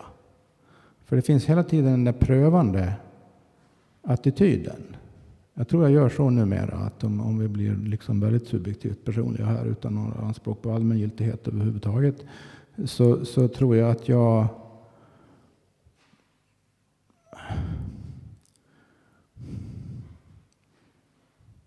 Jag prövar och ser. En vecka så prövar jag att se saker på ett sätt. Och så ser jag hur det blir. Och så eh, konstaterar jag det. Och, ja, det, det var ju inget bra. Jag fick ont i huvudet. Och, och, och så prövar jag på något annat sätt. Och, och det, där var, det där var ju bra. Det ledde ju till att jag förstod det ena och det andra. Jag, plötsligt kunde jag prata med den och den människan som jag aldrig kunnat prata med förut och så vidare. Men någonting av det måste ju vara mer sant än någonting annat, eller hur? Ja, vad, ja, nu får vi göra ett nytt program någon gång om vad som är sant. Sanningsbegreppet. Ja, men sant... Jag menar, nu har vi ändå bjudit hit Ja, jättemånga. Vi måste ju komma fram till Stackare. någonting här. Nej, Erik, Jo. vi kommer aldrig att komma fram till någonting på det viset. Jo, Det finns inget facit här. Eller? jo, men det måste ju finnas något typ av facit. Det kan, allting kan inte vara lika. Ja, men jag tror, är det inte det kan- felet man gör så ofta? Va? Att man tror att det ska... Man, man nästan, det är lite grann som, som elever i, i skolan eller även studenter på universitetet. Att det, det, här håller, håller man på att ha lektioner eller föreläsningar och övningar några veckor. Och sen efter ett tag eh, och, och, och tycker att man berättar allt möjligt som man tycker är intressant. Som man tycker de borde, det här borde ni ju förstå och veta för det är bra att kunna. Och, och, och så är det någon som räcker upp handen och så säger de Eh, ja, men kommer här på tentan. Eller eh, vad, vad, är, vad av det här är det vi ska komma ihåg egentligen? Och vad blir jag på det? När får jag min examen? Liksom, då, det, det är lite den mentaliteten, va? att man, man kräver att det ska finnas någon, någon sorts utstakad väg med ett facit i slutändan och sen så är man klar. Och sen kan man göra något annat. Men den här sortens frågor, frågor som vi pratar om nu och i många av våra program är, är ju inte av den arten. Va? Man kommer aldrig, egentligen aldrig fram till någonting på det sättet. Däremot så, så kan man genom att låta tanken liksom vindla hit och dit och fram och tillbaka och fastna här och fastna där och så dra slutsatser av vad det innebär att man fastnade först där och sen där och jämföra och så vidare. På något sätt så fördjupas ens förmåga, ens tankeförmåga, ens upplevelseförmåga, ens förmåga att relatera till andra människor och andra tänkesätt fördjupas kontinuerligt. Och det där märker man ju så småningom att den faktiskt gör. Och det är ju ett resultat då.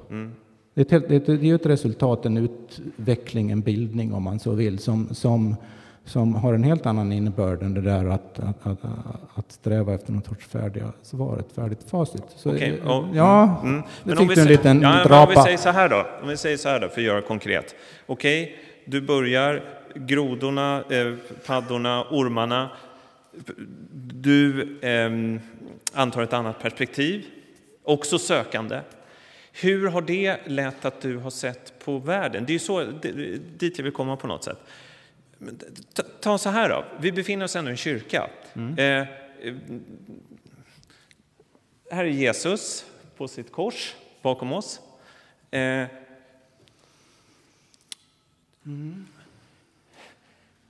hur, hur har det här andra perspektivet, även om du inte eh, behöver svara på frågan som jag fick en gång när jag föreläste om lite sådana här saker vi varit inne på nu, så var det en elev på gymnasiet som kom fram till mig och sa väldigt liksom ja eller nej, följer du Jesus? Ja. Det tyckte jag var svårt att svara på. Du behöver inte få den frågan av mig nu. Men har ditt nya perspektiv, på vilket har ditt nya perspektiv fått dig att förstå sådana saker? Som till exempel Jesus här. Har, finns det något samband? ja, absolut. Ja, Det finns ett starkt och djupt samband. Ja. Jag, jag eh, skulle säga att den rätt, om jag nu vågar uttrycka mig på det viset, men vad fan, nu svor jag i kyrkan.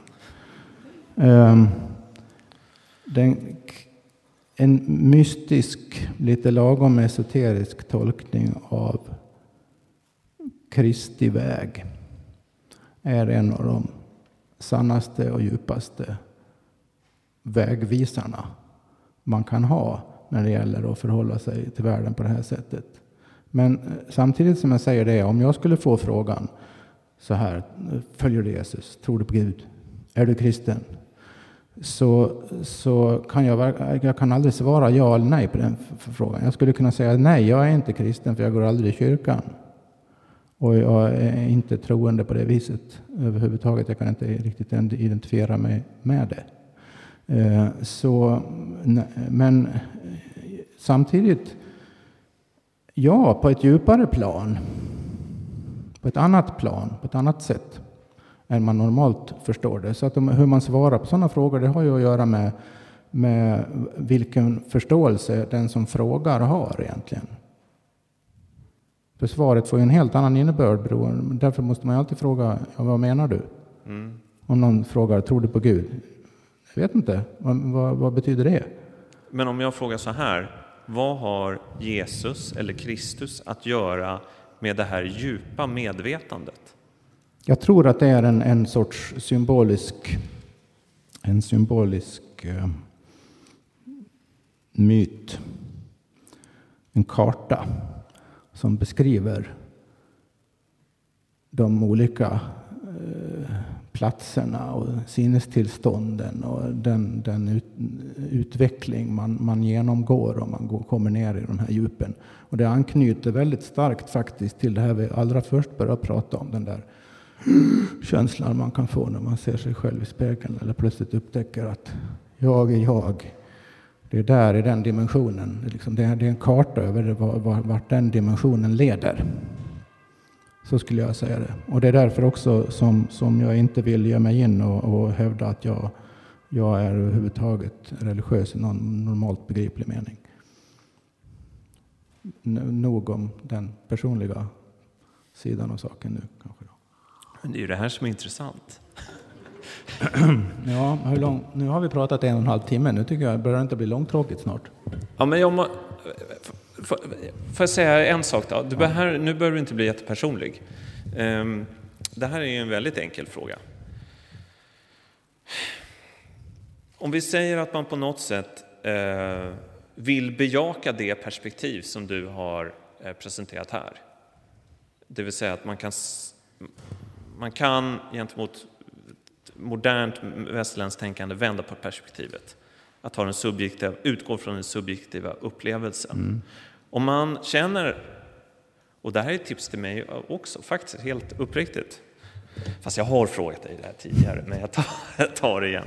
Eh, alltså om man känner att, att, att det här är någonting som, som jag vill söka vidare. Alltså inom vilken tradition ska man göra det?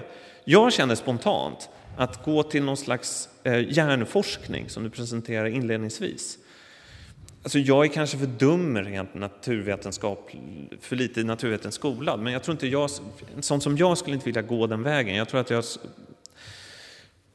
jag skulle inte finna någonting där. Men om jag vill, om jag vill bejaka det här synsättet på något sätt, var ska jag börja? Vilken, hur, hur ska jag vandra den här vägen?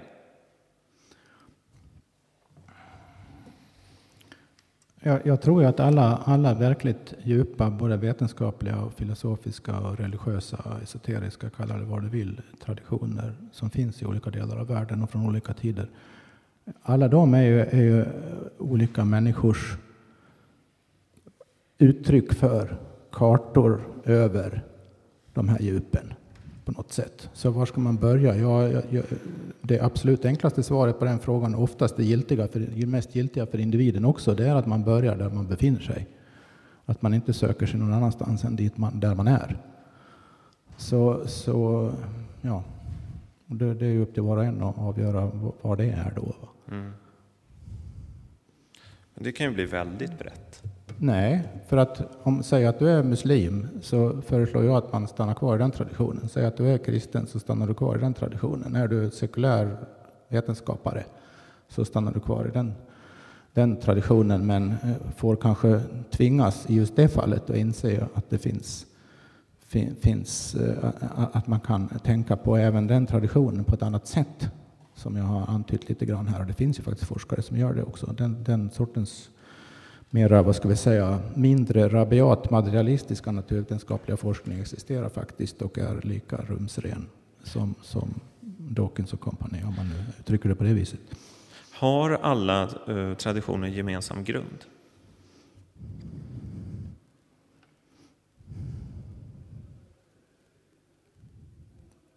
alla traditioner kan ju inte ha en gemensam grund. En del måste ju vara ganska avvikande i förhållande till det gemensamma i så fall. Ja, men, tänk om man kan börja var som helst så, så är det som att, jag brukar ju ofta säga, om man... Det beror på vad du menar med grund, jag kan, jag kan inte riktigt svara på de, Okej, okay, men jag, jag, säger som, som jag brukar tänka, jag brukar tänka att till exempel, jag gillar musik väldigt mycket. Ja. Alltså jag har ägnat min stor, stor del av mitt liv åt det musik. Vet vi. Ja. ja. och då efter ett tag så får man en känsla, man börjar liksom i en tradition kanske börja med indiepop liksom, på mm. 90-talet. Ja. Eller man börjar i opera eller vad som helst. Efter ett tag så är det som att genreutdelningarna försvinner. Det spelar ingen roll. Man känner exakt samma kraft i Iron mm. Maiden som hos Miles Davis. Mm. Det finns ingen skillnad. Om någon kommer till en och säger att, att nej men vadå, det där är jazz och det där är, är hårdrock. Det spelar ingen roll. Jag bryr mig inte överhuvudtaget. Sen på ytan så låter det lite annorlunda förstås. Men jag är lika intresserad och jag tycker egentligen om allting. Sen så finns det ju avarter liksom. Det finns dåliga liksom countrysångare som på, på något sätt falska countryprofeter. De är liksom, ja, Ja, ja, skillnaden är inte vad som är sant och osant utan vad som är dåligt och bra, vad som är skräp och ja, vad som är kvalitet. Sätt. Och ibland så får jag en känsla att det finns, att, du, att det är ungefär samma sak som du antyder här, att ja. det finns någon typ av gemensam grund som är musik. Just det. Förstår jo, det, du? Ja, jag förstår. Jag håller med. Jag tror jag, jag förstår i alla fall. Och, och, och i den mån det jag förstår är rätt håller jag med. Eh, nej, men det, det, är lite grann som så här. Jag brukar säga när det gäller lärande att på ett sätt spelar det ingen roll vad man börjar lära sig för någonting, bara man lär sig det riktigt, riktigt ordentligt, riktigt, riktigt djupt, att man verkligen lär sig just det. Det spelar ingen roll vad det är, spela blockflöjt eller gräva trädgårdsland eller kvantfysik eller vad det är. Vad, vad du än liksom verkligen sätter dig in i och lär dig på djupet, det, det, det har du nytta av. Det ger dig någonting, det utvecklar dig eh, just, just därför. Och då, det, vad du kommer att förstå där är egentligen på sätt och vis samma sak som du har förstått när det gäller musiken. Att vad, vad det är, vad det innebär att, att behärska någonting. Mm. Så har man lärt sig att behärska en sak så är det också lättare att behärska andra saker. Det finns någon sorts gemensam nämnare där också. Mm. Det, fin det, finns en massa analogier man, man kan dra åt alla möjliga håll mm. utifrån det här förhållningssättet. Mm. Skulle jag våga hävda. Men det som intresserar mig med dig är att jag, om vi tar musikliknelsen, så är det som att du är expert faktiskt både på liksom, eh, vad ska man säga, Svensktoppen och inuitisk... Eh, jag vet inte. Nej, nu... nu ja. Nej, men, ja, de här liknelserna kan ju gå hur långt, Ja. långt som helst. Nu, nu tycker jag det börjar eh, fladdra iväg rätt så bra här. Nej, men det var ju nu. Men eh, Ja, det brukar ofta vara så här, det kan vi säga att, att Ja. det här har ju varit ganska likt en, en, en liksom podd, poddinspelning på det sättet att, att det vindlar fram på olika sätt. Och sen kommer det alltid ett, ett sånt, exakt sånt här läge då Per säger, nej nu vet jag inte vart vi är på väg. Och då säger jag, nej men vänta här nu, nu kan vi inte sluta, vi måste ju ha ett slut. Och då säger jag så här, men får jag bara ställa en fråga till? Jag tror att det här kan vara ett, ett bra slut. Och så tänker vi i någon minut och så kommer det och så säger vi, ibland säger vi, ja det blev ett bra slut. Eller så tittar vi på varandra och så sa vi, nej men vi hade slutet redan för tio men vet minuter du sedan. vad? Eh, ofta har vi då gjort ett avbrott och tagit en kopp kaffe eller något sånt där. Ja, jag vet. Ja. Det kan vi inte riktigt Men ha inte göra. Nej, vi Vi- sagt vet du, jag föreslår istället att vi faktiskt slutar prata här, du och jag. Okej. Och, och, Okej, men ja, vi och kan- så ja, vi kan- har vi ju massa trevliga, intressanta människor här som kanske vill säga någonting. Eh, Så varför inte, när vi är samlade här på det här viset, eh, släppa in eventuella... Det var ingen bra illustration. Ehm, Ja.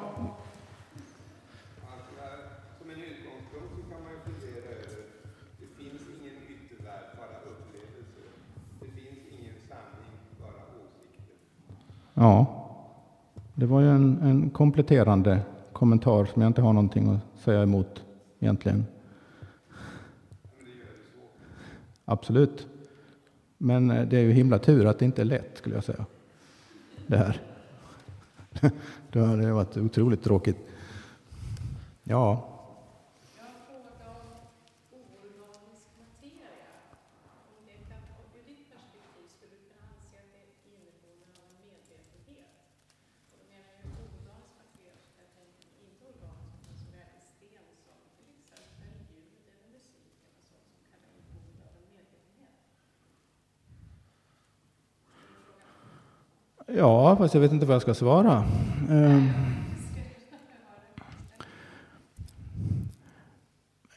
Återigen är det, alltså frågan var, för om, om inte alla hörde, om, om eh, materia, eller som du uttryckte det, oorganisk materia. Liksom.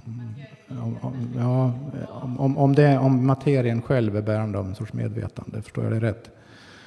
Eh, på ett eller annat sätt, eller i olika, på olika sätt. Mm. Eh, ja, varför inte? Alltså det, det, återigen är det en fråga om det här. Man, antingen, man kan närma sig det på två sätt skulle jag säga. Då. Antingen får man närma sig det erfarenhetsmässigt. Man, man får helt enkelt eh, skola in sitt sinne på något sätt så att man lär sig uppfatta medvetanden hos olika ting. Om man har en sten på skrivbordet hemma, som jag har, så kan man meditera över denna sten och se om den säger en någonting. Och om, om den börjar prata med en, då vet man att den har ett medvetande. Det är en metod. Va? Eller också är det återigen en fråga om, om, om, om antaganden man gör, mer filosofiskt här nu. hur blir världen? Hur, vad kan jag uppfatta? Hur kan jag förklara saker och ting? Eh, om jag antar att allting har någon sorts medvetande, ja då kan man konstruera alla möjliga intressanta spekulationer utifrån det. Så skulle jag säga. Så jag, jag är ganska obenägen att svara ja och nej på sådana frågor som du märker.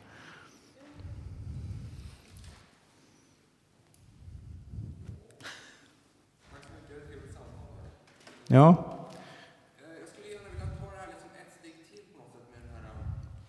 Det var fascinerande att vända på begreppet med materian, alltså hjärnan, att, det, att liksom medvetandet inte är så att säga konsekvens av, med- av materien. ja. Jag skulle kunna vara tvärtom.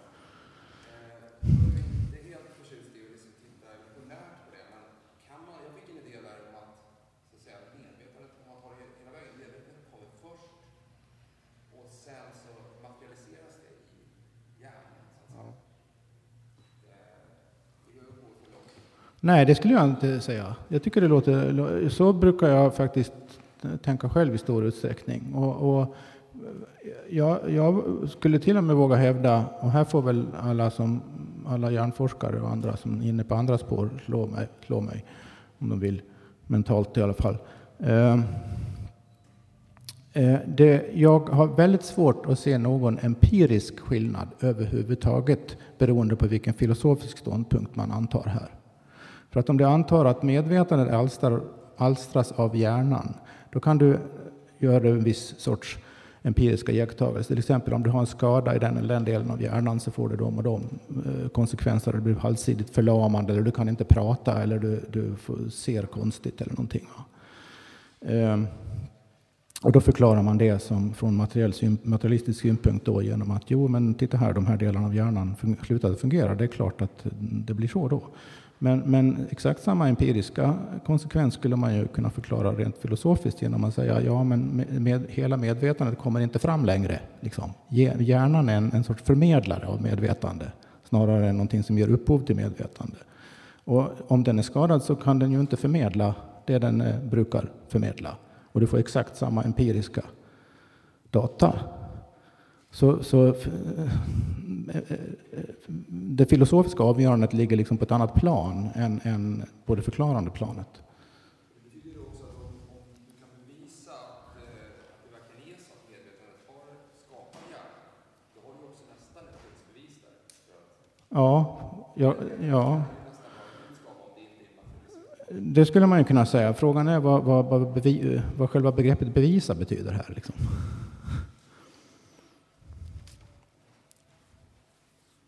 Man kan, man kan göra det mer eller mindre övertygande. Och en, del, en del människor av någon anledning känner väldigt starkt att det är meningsfullt att göra sådana påståenden. Medan andra tycker att det där är bara dumheter. Och det är lite svårt att bevisa för, för den, båda. Ingen av dem kan ju bevisa för varandra. Liksom. För att bevis har ju alltid att göra med det här jag har varit inne på flera gånger nu, antaganden. Så om man inte är överens om antagandena så kan man inte heller bevisa något för någon annan. Är du med hur jag menar där? Mm. Man skulle också kunna hitta ett absolut bevis för att medvetandet så att säga har skapat Ja, om man, om man, om man, det är ju så, så kallade gudsbevis är ju konstruerade på det viset att man försöker hitta de där antagandena som alla måste vara överens om. För att man inte är överens om dem så blir blir allt an, alla andra påståenden också konstiga eller absurda. Det, det, mm, råder det ändå delade meningar om huruvida man hittat just de premisserna. Va? Eh, eh, får jag eh, inskjuta en lite barnslig fråga här? Är medvetandet Gud? Ingen aning. Nej, det är... Ja. Barns, barnsligt svar då på det. Ja, det måste det ju vara i så fall. Egentligen. Gud, man kan ju inte... Gud är ju... Alltså, det vi är vana vid att mena med ordet Gud på alla möjliga vis här i vår del av världen, det är ju, det är ju ett eh, teologiskt begrepp. Ett teologiskt antagande. Och, och, och det drar ju med sig en massa saker. Så att om, om, du vill sätta likhetstecken mellan begreppet medvetande och begreppet Gud, vad du gör då är egentligen att du påstår att det finns någon sorts korrelation mellan en, en filosofisk medvetande diskussion och en teologisk diskussion om Gud. Men det, det, om du gör ett sådant påstående måste du, måste du skriva en avhandling som motiverar varför det är en meningsfull mm. korrelation. Liksom. Det går inte att svara på sådana frågor, tyvärr. Inte, jag kan inte i alla fall. Någon annan kanske. Kan, kanske.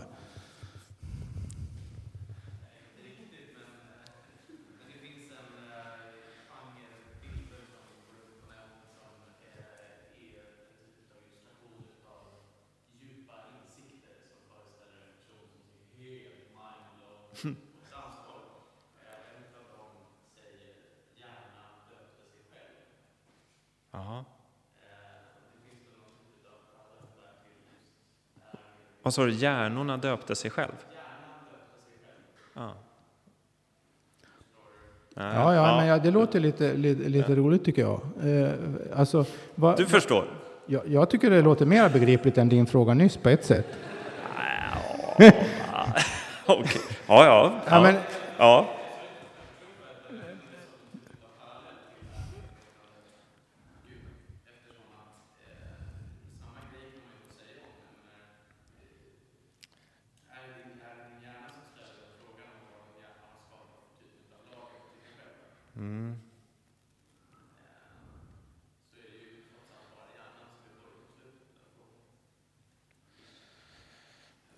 Jag, ja, men jag är ju inte den smarta här. Jag är... Hjärnan döptes helt. Du fattar det? Ja, jag tycker det, alltså, det är lite poetiskt på något vis. Alltså, det, det, är en- ett, det finns någon metaforik där som, som, som säger någonting, tycker jag. Och, och, och det är kanske det man ska haka upp sig på då. Att, att om man vill, vill ha, ha svar på sådana här saker så, så blir det poesi av något slag. Metaforik, lek med ord, liksom, som, som väcker något, i, i, rätt kulturellt eller samtalsmässigt sammanhang så väcker det någon sån där association som subjektivt ger den där hisnande känslan. Ja, det stämmer. Men, men apropå det du här framme sa innan, det, det är ju inget bevis. Man kan inte bevisa det, men det ändå säger någonting. Det, det du sa nu, det, det sa mig någonting, men det sa inte Erik någonting.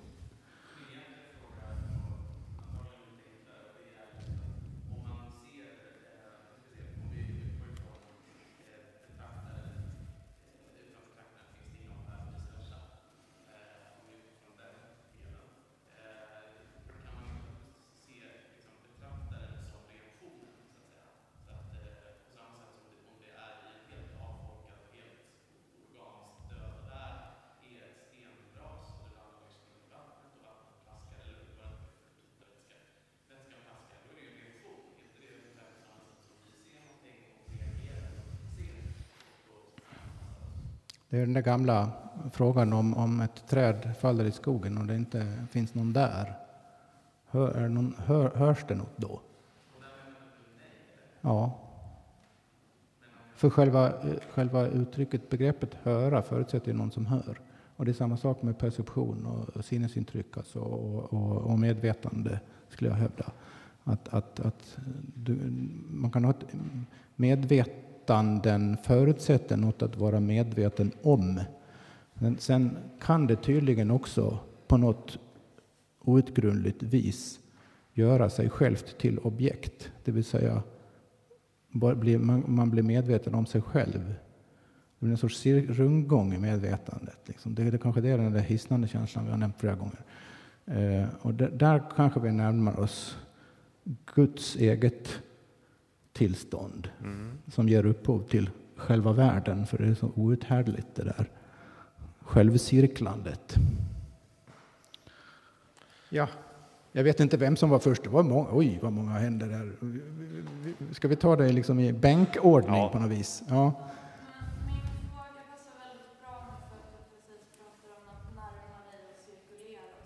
Ja, jag är väldigt visuell så jag tänker liksom i grafer hela tiden. jag förstår. Och då i det första programmet som hette Sök och du ska finna, då fanns det ju liksom en pil som for mot ett mål. Ja, Och sen så har jag uppfattat hos dig Per att du inte gillar den bilden i andra program. Och sen ja det kan ligga något i det. Att du var mer intresserad av ursprunget och att det var liksom någon nedbrytning eller någonting sånt där. Det här är ju... Jag hörde också tillbaka lite, så jag bara, och, och samtidigt som, som det här med upplysning, samtidigt som du som jag verkar känna ett litet förakt för upplysningen som idé. Ja. Så har du liksom, det jag är intresserad av är så här relationen mellan kanske att lära och att avlära eller avkoda. Alltså om det finns, om du upplever det som en cirkel där kanske ens instinkter möter det, alltså förstår jag vad jag menar? Om det, vad, eh, Inte riktigt. Ja, men jag kan ju säga- jag- jag, jag, anar någonting. Ja, får jag säga. Jag tror att för det som du är inne på, nu är någonting som jag tänker ofta, som jag har försökt antyda lite här under kvällen. Det är ju att, det är sant, att någon gång i ditt liv så, så har det funnits den här riktningen. Ja. Förstår jag dig rätt nu? Liksom sökande efter, efter ursprunget. Sen har det lagt sig. Och jag, för att om jag ska vara rent personlig, alltså där jag, och det är ju bra att vi är olika på olika sätt, men jag är, jag personligen är extremt in, intresserad av in, inriktningen och jag har fått någon galen tanke om att saker och ting går att förstå. Alltså inte bara om det finns en Gud, varför, varför skapar han världen? Alltså sådana här Ja. vä- väldigt och sen kan svaret vara liksom enkelt. Gud kan skapa världen för att han hade tråkigt. Alltså, Det skulle kunna vara svaret. Men där finns ju som två rörelser som du har, två linjer som du har vandrat kring. Hur ska vi få det här till en fråga då? Ja, det handlar väl om det här med början och slut och, och om de möter varandra och liksom... Jag vet inte. Om, säg att man kan bli upp, upplyst och liksom upp, erfara en sanning på något sätt. Är det liksom... Är det då samma som där man började innan man började lära? Eller förstår du vad jag menar? Ja, ja, okej. För att till exempel i zen-buddhismen så finns det ju någonting direkt i erfarenhet att man försöker få bort det här filtret. Och att man med hjälp av det kan få liksom samma insikter som man kanske också kan läsa sig till om man läser tillräckligt mycket. Liksom.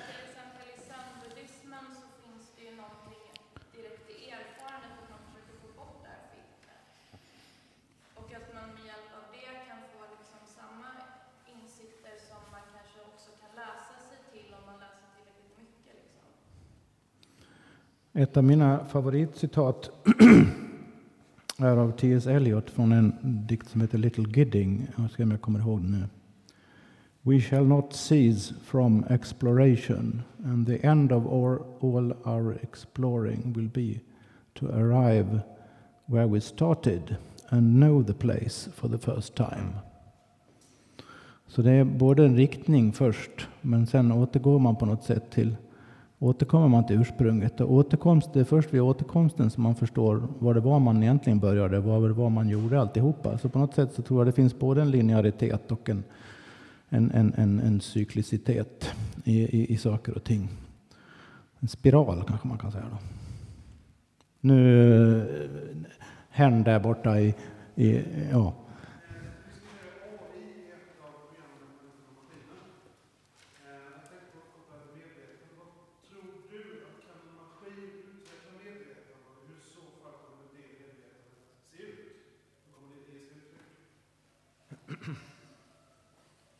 Ja, det är en otroligt bra fråga. Det, det, det har jag faktiskt funderat en hel del på. Men eh, eh, det, det enkla svaret på det är nej. Men det mera intressanta svaret är om man eh, tänker eh, Eh, alltså nej, skulle jag personligen säga då av olika skäl. Eh, eh, jämfört med de som säger att, för det har att göra med, med hur man ser på det här med komplexitet. Man tänker att hjärnan är ett otroligt komplext informationsbehandlingsorgan. Och, och om, och, om, om det, det hjärnan är, så om man då konstruerar en maskin som är minst lika komplex, så, så om hjärnan är det som ger upphov till medvetandet så kommer naturligtvis en lika komplex maskin, konstruerad sådan, också ge upphov till medvetande. Så det, det, är- det är återigen det här med att man gör vissa antaganden och, så- och så kommer man till de slutsatserna. Men, men det mer intressanta sättet att tänka på det är väl egentligen om man tänker så här, att var kommer maskinerna ifrån? De kommer från oss. De är externaliseringar eller förkroppsliganden av, av, av, av, av oss. Det är våra tankar, som, våra förmågor, som vi på något sätt förkroppsligar i de här. Så eh, ett annat sätt att se på det är att man skulle kunna säga att vi, vad vi gör är att vi, en, en, en intelligent maskin är en sorts kollektiv medvetande utvidgning av någonting vi är redan.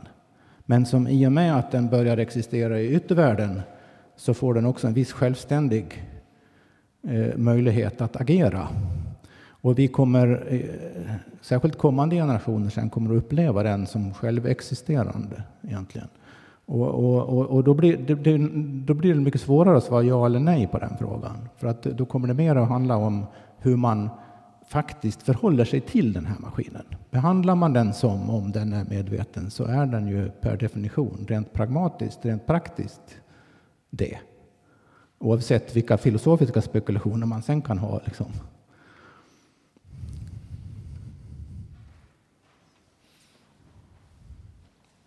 Ja, skäggige mannen där långt tillbaka. Jag...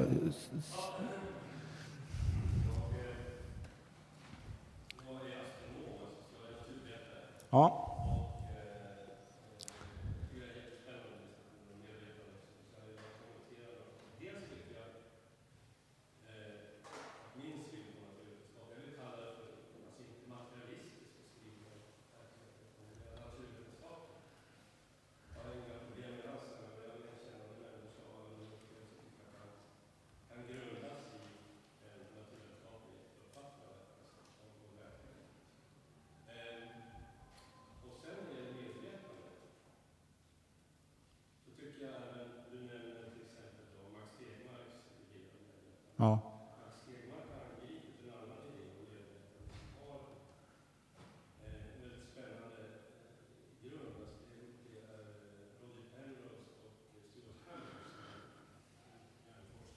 Just det.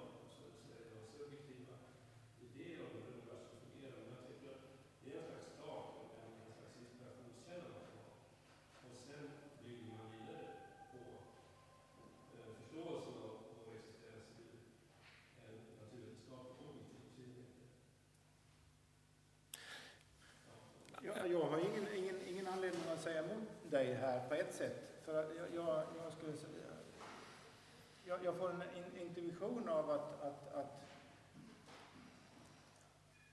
att, att det, när du, det du på något sätt syftar på när du nämner naturvetenskaplig utgångspunkt här är, är egentligen inte nödvändigtvis vad man, vad man i filosofin brukar kalla en, en, en, någon sorts materialistisk monism egentligen. Har jag rätt eller fel?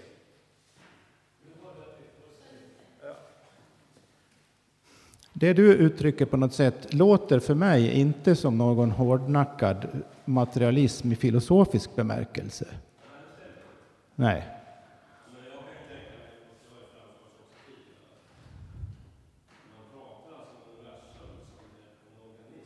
Ja.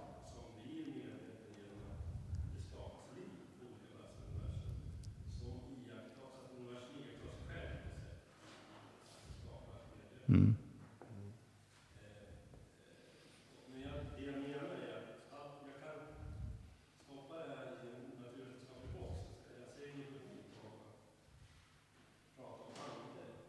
Nej, alltså på ett sätt gör inte jag det heller. Jag låter kanske, konstigt med tanke på en del av vad vi har sagt innan här. Men jag, om, till, eh, Erik frågade mig innan till exempel, eh, apropå på, på Gud. Eh, eh Gud är för mig ett opersonligt, har en opersonlig association.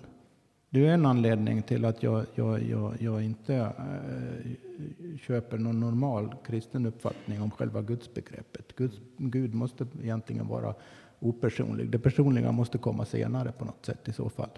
Men, men alltså, det, ja. Men är det, det inte, här kan vi fortsätta över en stop öl eller något tror jag. Ja, det, nu har ju faktiskt eh, klockan slagit nio. Men Och, det var- eh, det och är nog en ja, ja, jag ska bara säga att klockan slagit nio så folk... Jag vet det. alltid sådär när man sitter på något sånt här så tänker man, är de galna? Kommer de att fortsätta till elva liksom? Ja. Då vet de inte vad klockan är. Ja, det blev Så, men nu är klockan nio, men det var, har ju varit i alla fall två frågor till, tre kanske. Ja, Vi får- tar dem lite snabbt, men sen Ja. kan vi dra lite formalia. Vi har ju sagt på vårt Facebook-event och på vår inbjudan på vår hemsida att det finns en efterfest till det här. Och det var just för man känner så här att nej men vadå, det, det blir ju alltid massa frågor som kommer upp och det är ju skillnad liksom på att ställa en fråga i en sån här församling och kanske prata med Ja, men man, kanske vill fråga mig också någonting. Men framförallt Per, kan man eh, prata mer eh, eh med efteråt? Och då tänkte vi, eh, det finns ju den här puben som heter Queens Head, heter den va?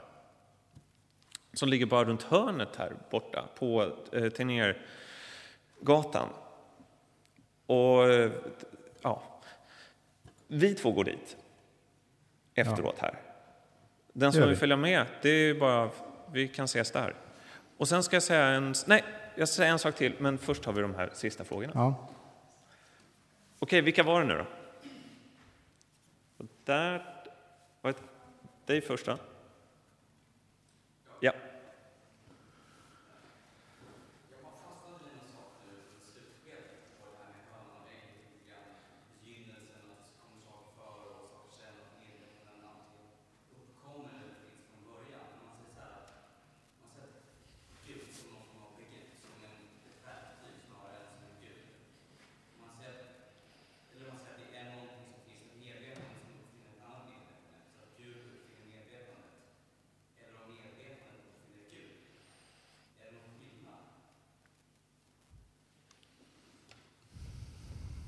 Det är en sån där tystnadsframkallande fråga.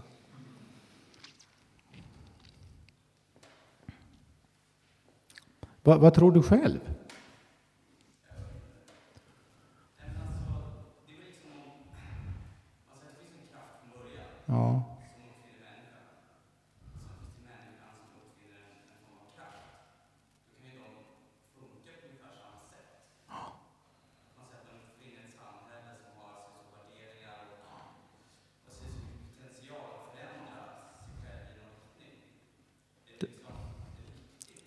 Låter lite... Ja, nej, nej om, om det är viktigt så är det Nej, det är tveksamt egentligen ju. För att det, det, det, det handlar ju bara om att, att på något sätt pratar du i båda fallen av samma sak fast du sätter alternativa ord på det. Och, och, och, och jag är inte säker på att du vinner något i varken ena eller andra riktningen. Du bara bestämmer dig för vilka ord du ska använda och så kör du med dem skulle jag säga. Eh, sen om man ska prata om om man ska fylla det här eh, konstiga, kontroversiella och jobbiga ordet Gud med något vettigt så kanske man inte ska göra det på ett intellektuellt sätt alls egentligen. Man ska inte försöka tänka på det eh, som, som när man liksom resonerar bara. Jag tror att det har, jag ber- jag tyckte jag berörde det lite kort nyss. Om man säger så här, vad, vad var det som, om, säg att det finns någonting som vi sätter namnet Gud på, som är ursprunget till allting. Varför blev det så? Alltså varför var, var det här gudet något, något ursprung till någonting? Hur gick det till? Hur kändes det, om man säger så? Och jag, jag, jag undrar om det inte vi har en ledtråd här i den där se sig själv i spegeln-känslan. Att det är liksom så känns det. Och det står man inte ut med. Så därför blir det en värld runt den, runt den så att man har något att göra ungefär. Ja, just det. Ja, absolut. kan vara mycket trivialare än så. På 80-talet Var inte det trivialt nog? Jaha. Alltså det är den här subjektiva känslan. Jag har aldrig haft någon sån där känsla av aha till spegeln. Jag har letat efter det hela, hela mitt liv. Och jag har letat efter det i litteraturen. För jag håller på med utvecklingspsykologi. Mm. När har någon beskrivit det här, den här känslan någonstans när unga människor, upp, eller barn, upptäcker precis det du sa. Men den där drömtydningskursen, den är ju väldigt enkel. Man berättar sin dröm och så får ni som hör den, den av mig. Och sen så beskriver ni vilka känslor och vilka symboler som den här drömmen väckte hos er. Och så får jag sitta som åhörare och lyssna på det. Mm. Och då vet man ju ögonblickligen vilka symboler och vilka känslor som är mina, som är rätt, så att säga. Mm. Det är oerhört starkt, Mm. det där pers- perspektivbytet. Mm. Ja, nej, det, är- det är en intressant kommentar tycker jag. Apropå den där hisnande känslan förresten, jag kom att tänka på, det fanns en, på 1600-talet en, en, en tysk eh, mystiker som heter Jakob Böhme. Han måste ha haft den här känslan, för han hävdade att Gud, Gud skapade världen eh, ur skräck. Första tillståndet när världen kom till överhuvudtaget, det var skräck. Och sen, sen blev det ljust och, och, och harmoniskt eh, på något vis. Det, har jag glömt, glömt lite grann hur det gick till, men, men skräck kom först.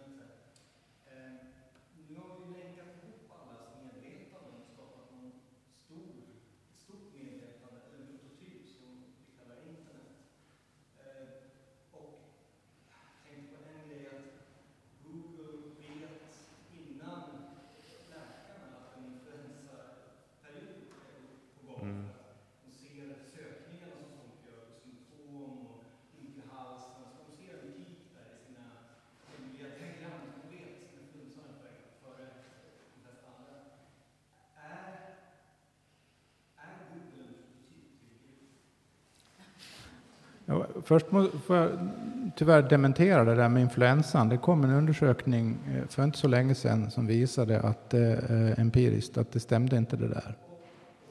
Eh, men det, jag förstår din vidare tanke. Och den är ju såklart intressant. Eh, jag, jag, jag, har ingen, jag har ingen svar på det, men det, det, det, det, egentligen får man, det är lite grann samma typ av svar som jag gav apropå det där med artificiell intelligens innan och huruvida en, en, en, en, en, en maskin kan bli medveten. Va? Det, det är egentligen den sortens resonemang man, man, man får föra då. Jag tror att det var en eh, jag tror science fiction-författaren David Brin heter han. har skrivit en bok om, om det där som du är inne på. Hur, det skulle, hur världen skulle bli då, vad det innebär att internet blev självmedvetet.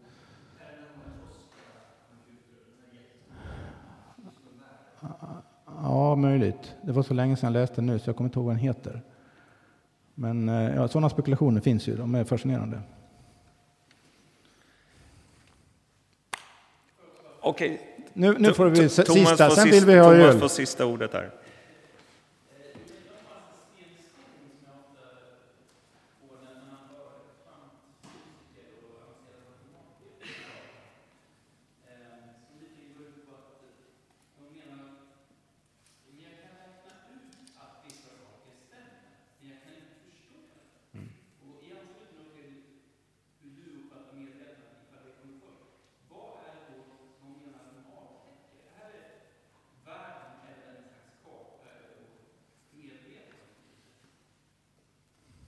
Ja, det är en otroligt bra fråga. Jag vet knappt vad jag ska säga eller börja säga. Alltså de, jag, jag träffar fysiker ibland. Senast för någon månad sedan satt jag och käkade lunch med någon kvantfysiker från, från Chalmers. Och, och jag ställde den här typen av frågor till honom, för han kunde ju svara på det bättre än jag, antog jag. Och, och, och det kunde han ju i och för sig. Va? Men, men, men på något sätt, det, det, det, det jag, det jag allt, oftast har hört då, är någonting i stil med att vad man upptäcker är Alltså från ett lite vidare filosofiskt perspektiv så upptäcker man på något sätt begre- beräkningarnas begränsning när det gäller att åstadkomma förståelse. Låter lite, lite lamt på något vis. Men, men jag, jag, jag, kan ju, alltså, jag tror man, sådana frågor måste man, för att få verkligt tänkvärda, ordentliga svar på sådana frågor, så får man ställa dem till en filosofiskt intresserad kvantfysiker. Eh, Faktiskt. Så jag, jag, jag passar lite grann där på ett sätt. Men, men, men ja, det känns som jag vill säga någonting. Jag ska se om jag, jag har det på tungan.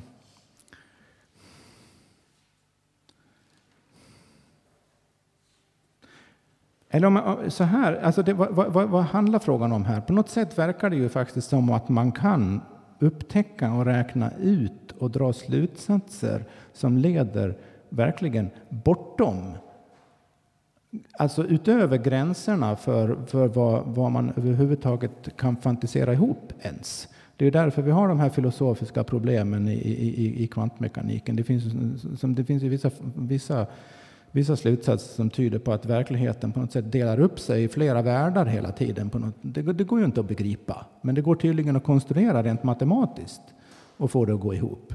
Men det är ju ingen människa som kan fatta det. När man står inför en valsituation och så väljer jag, ska jag ta en öl eller inte? Nej, jag skiter i det. Men i en annan värld så tar jag en öl. Liksom. Så, blir, så delar sig världen hela tiden. Så. Det går ju inte att begripa. Men, men de påstår att det går att räkna på det. Astronomen här i församlingen kanske har någon uppfattning om det.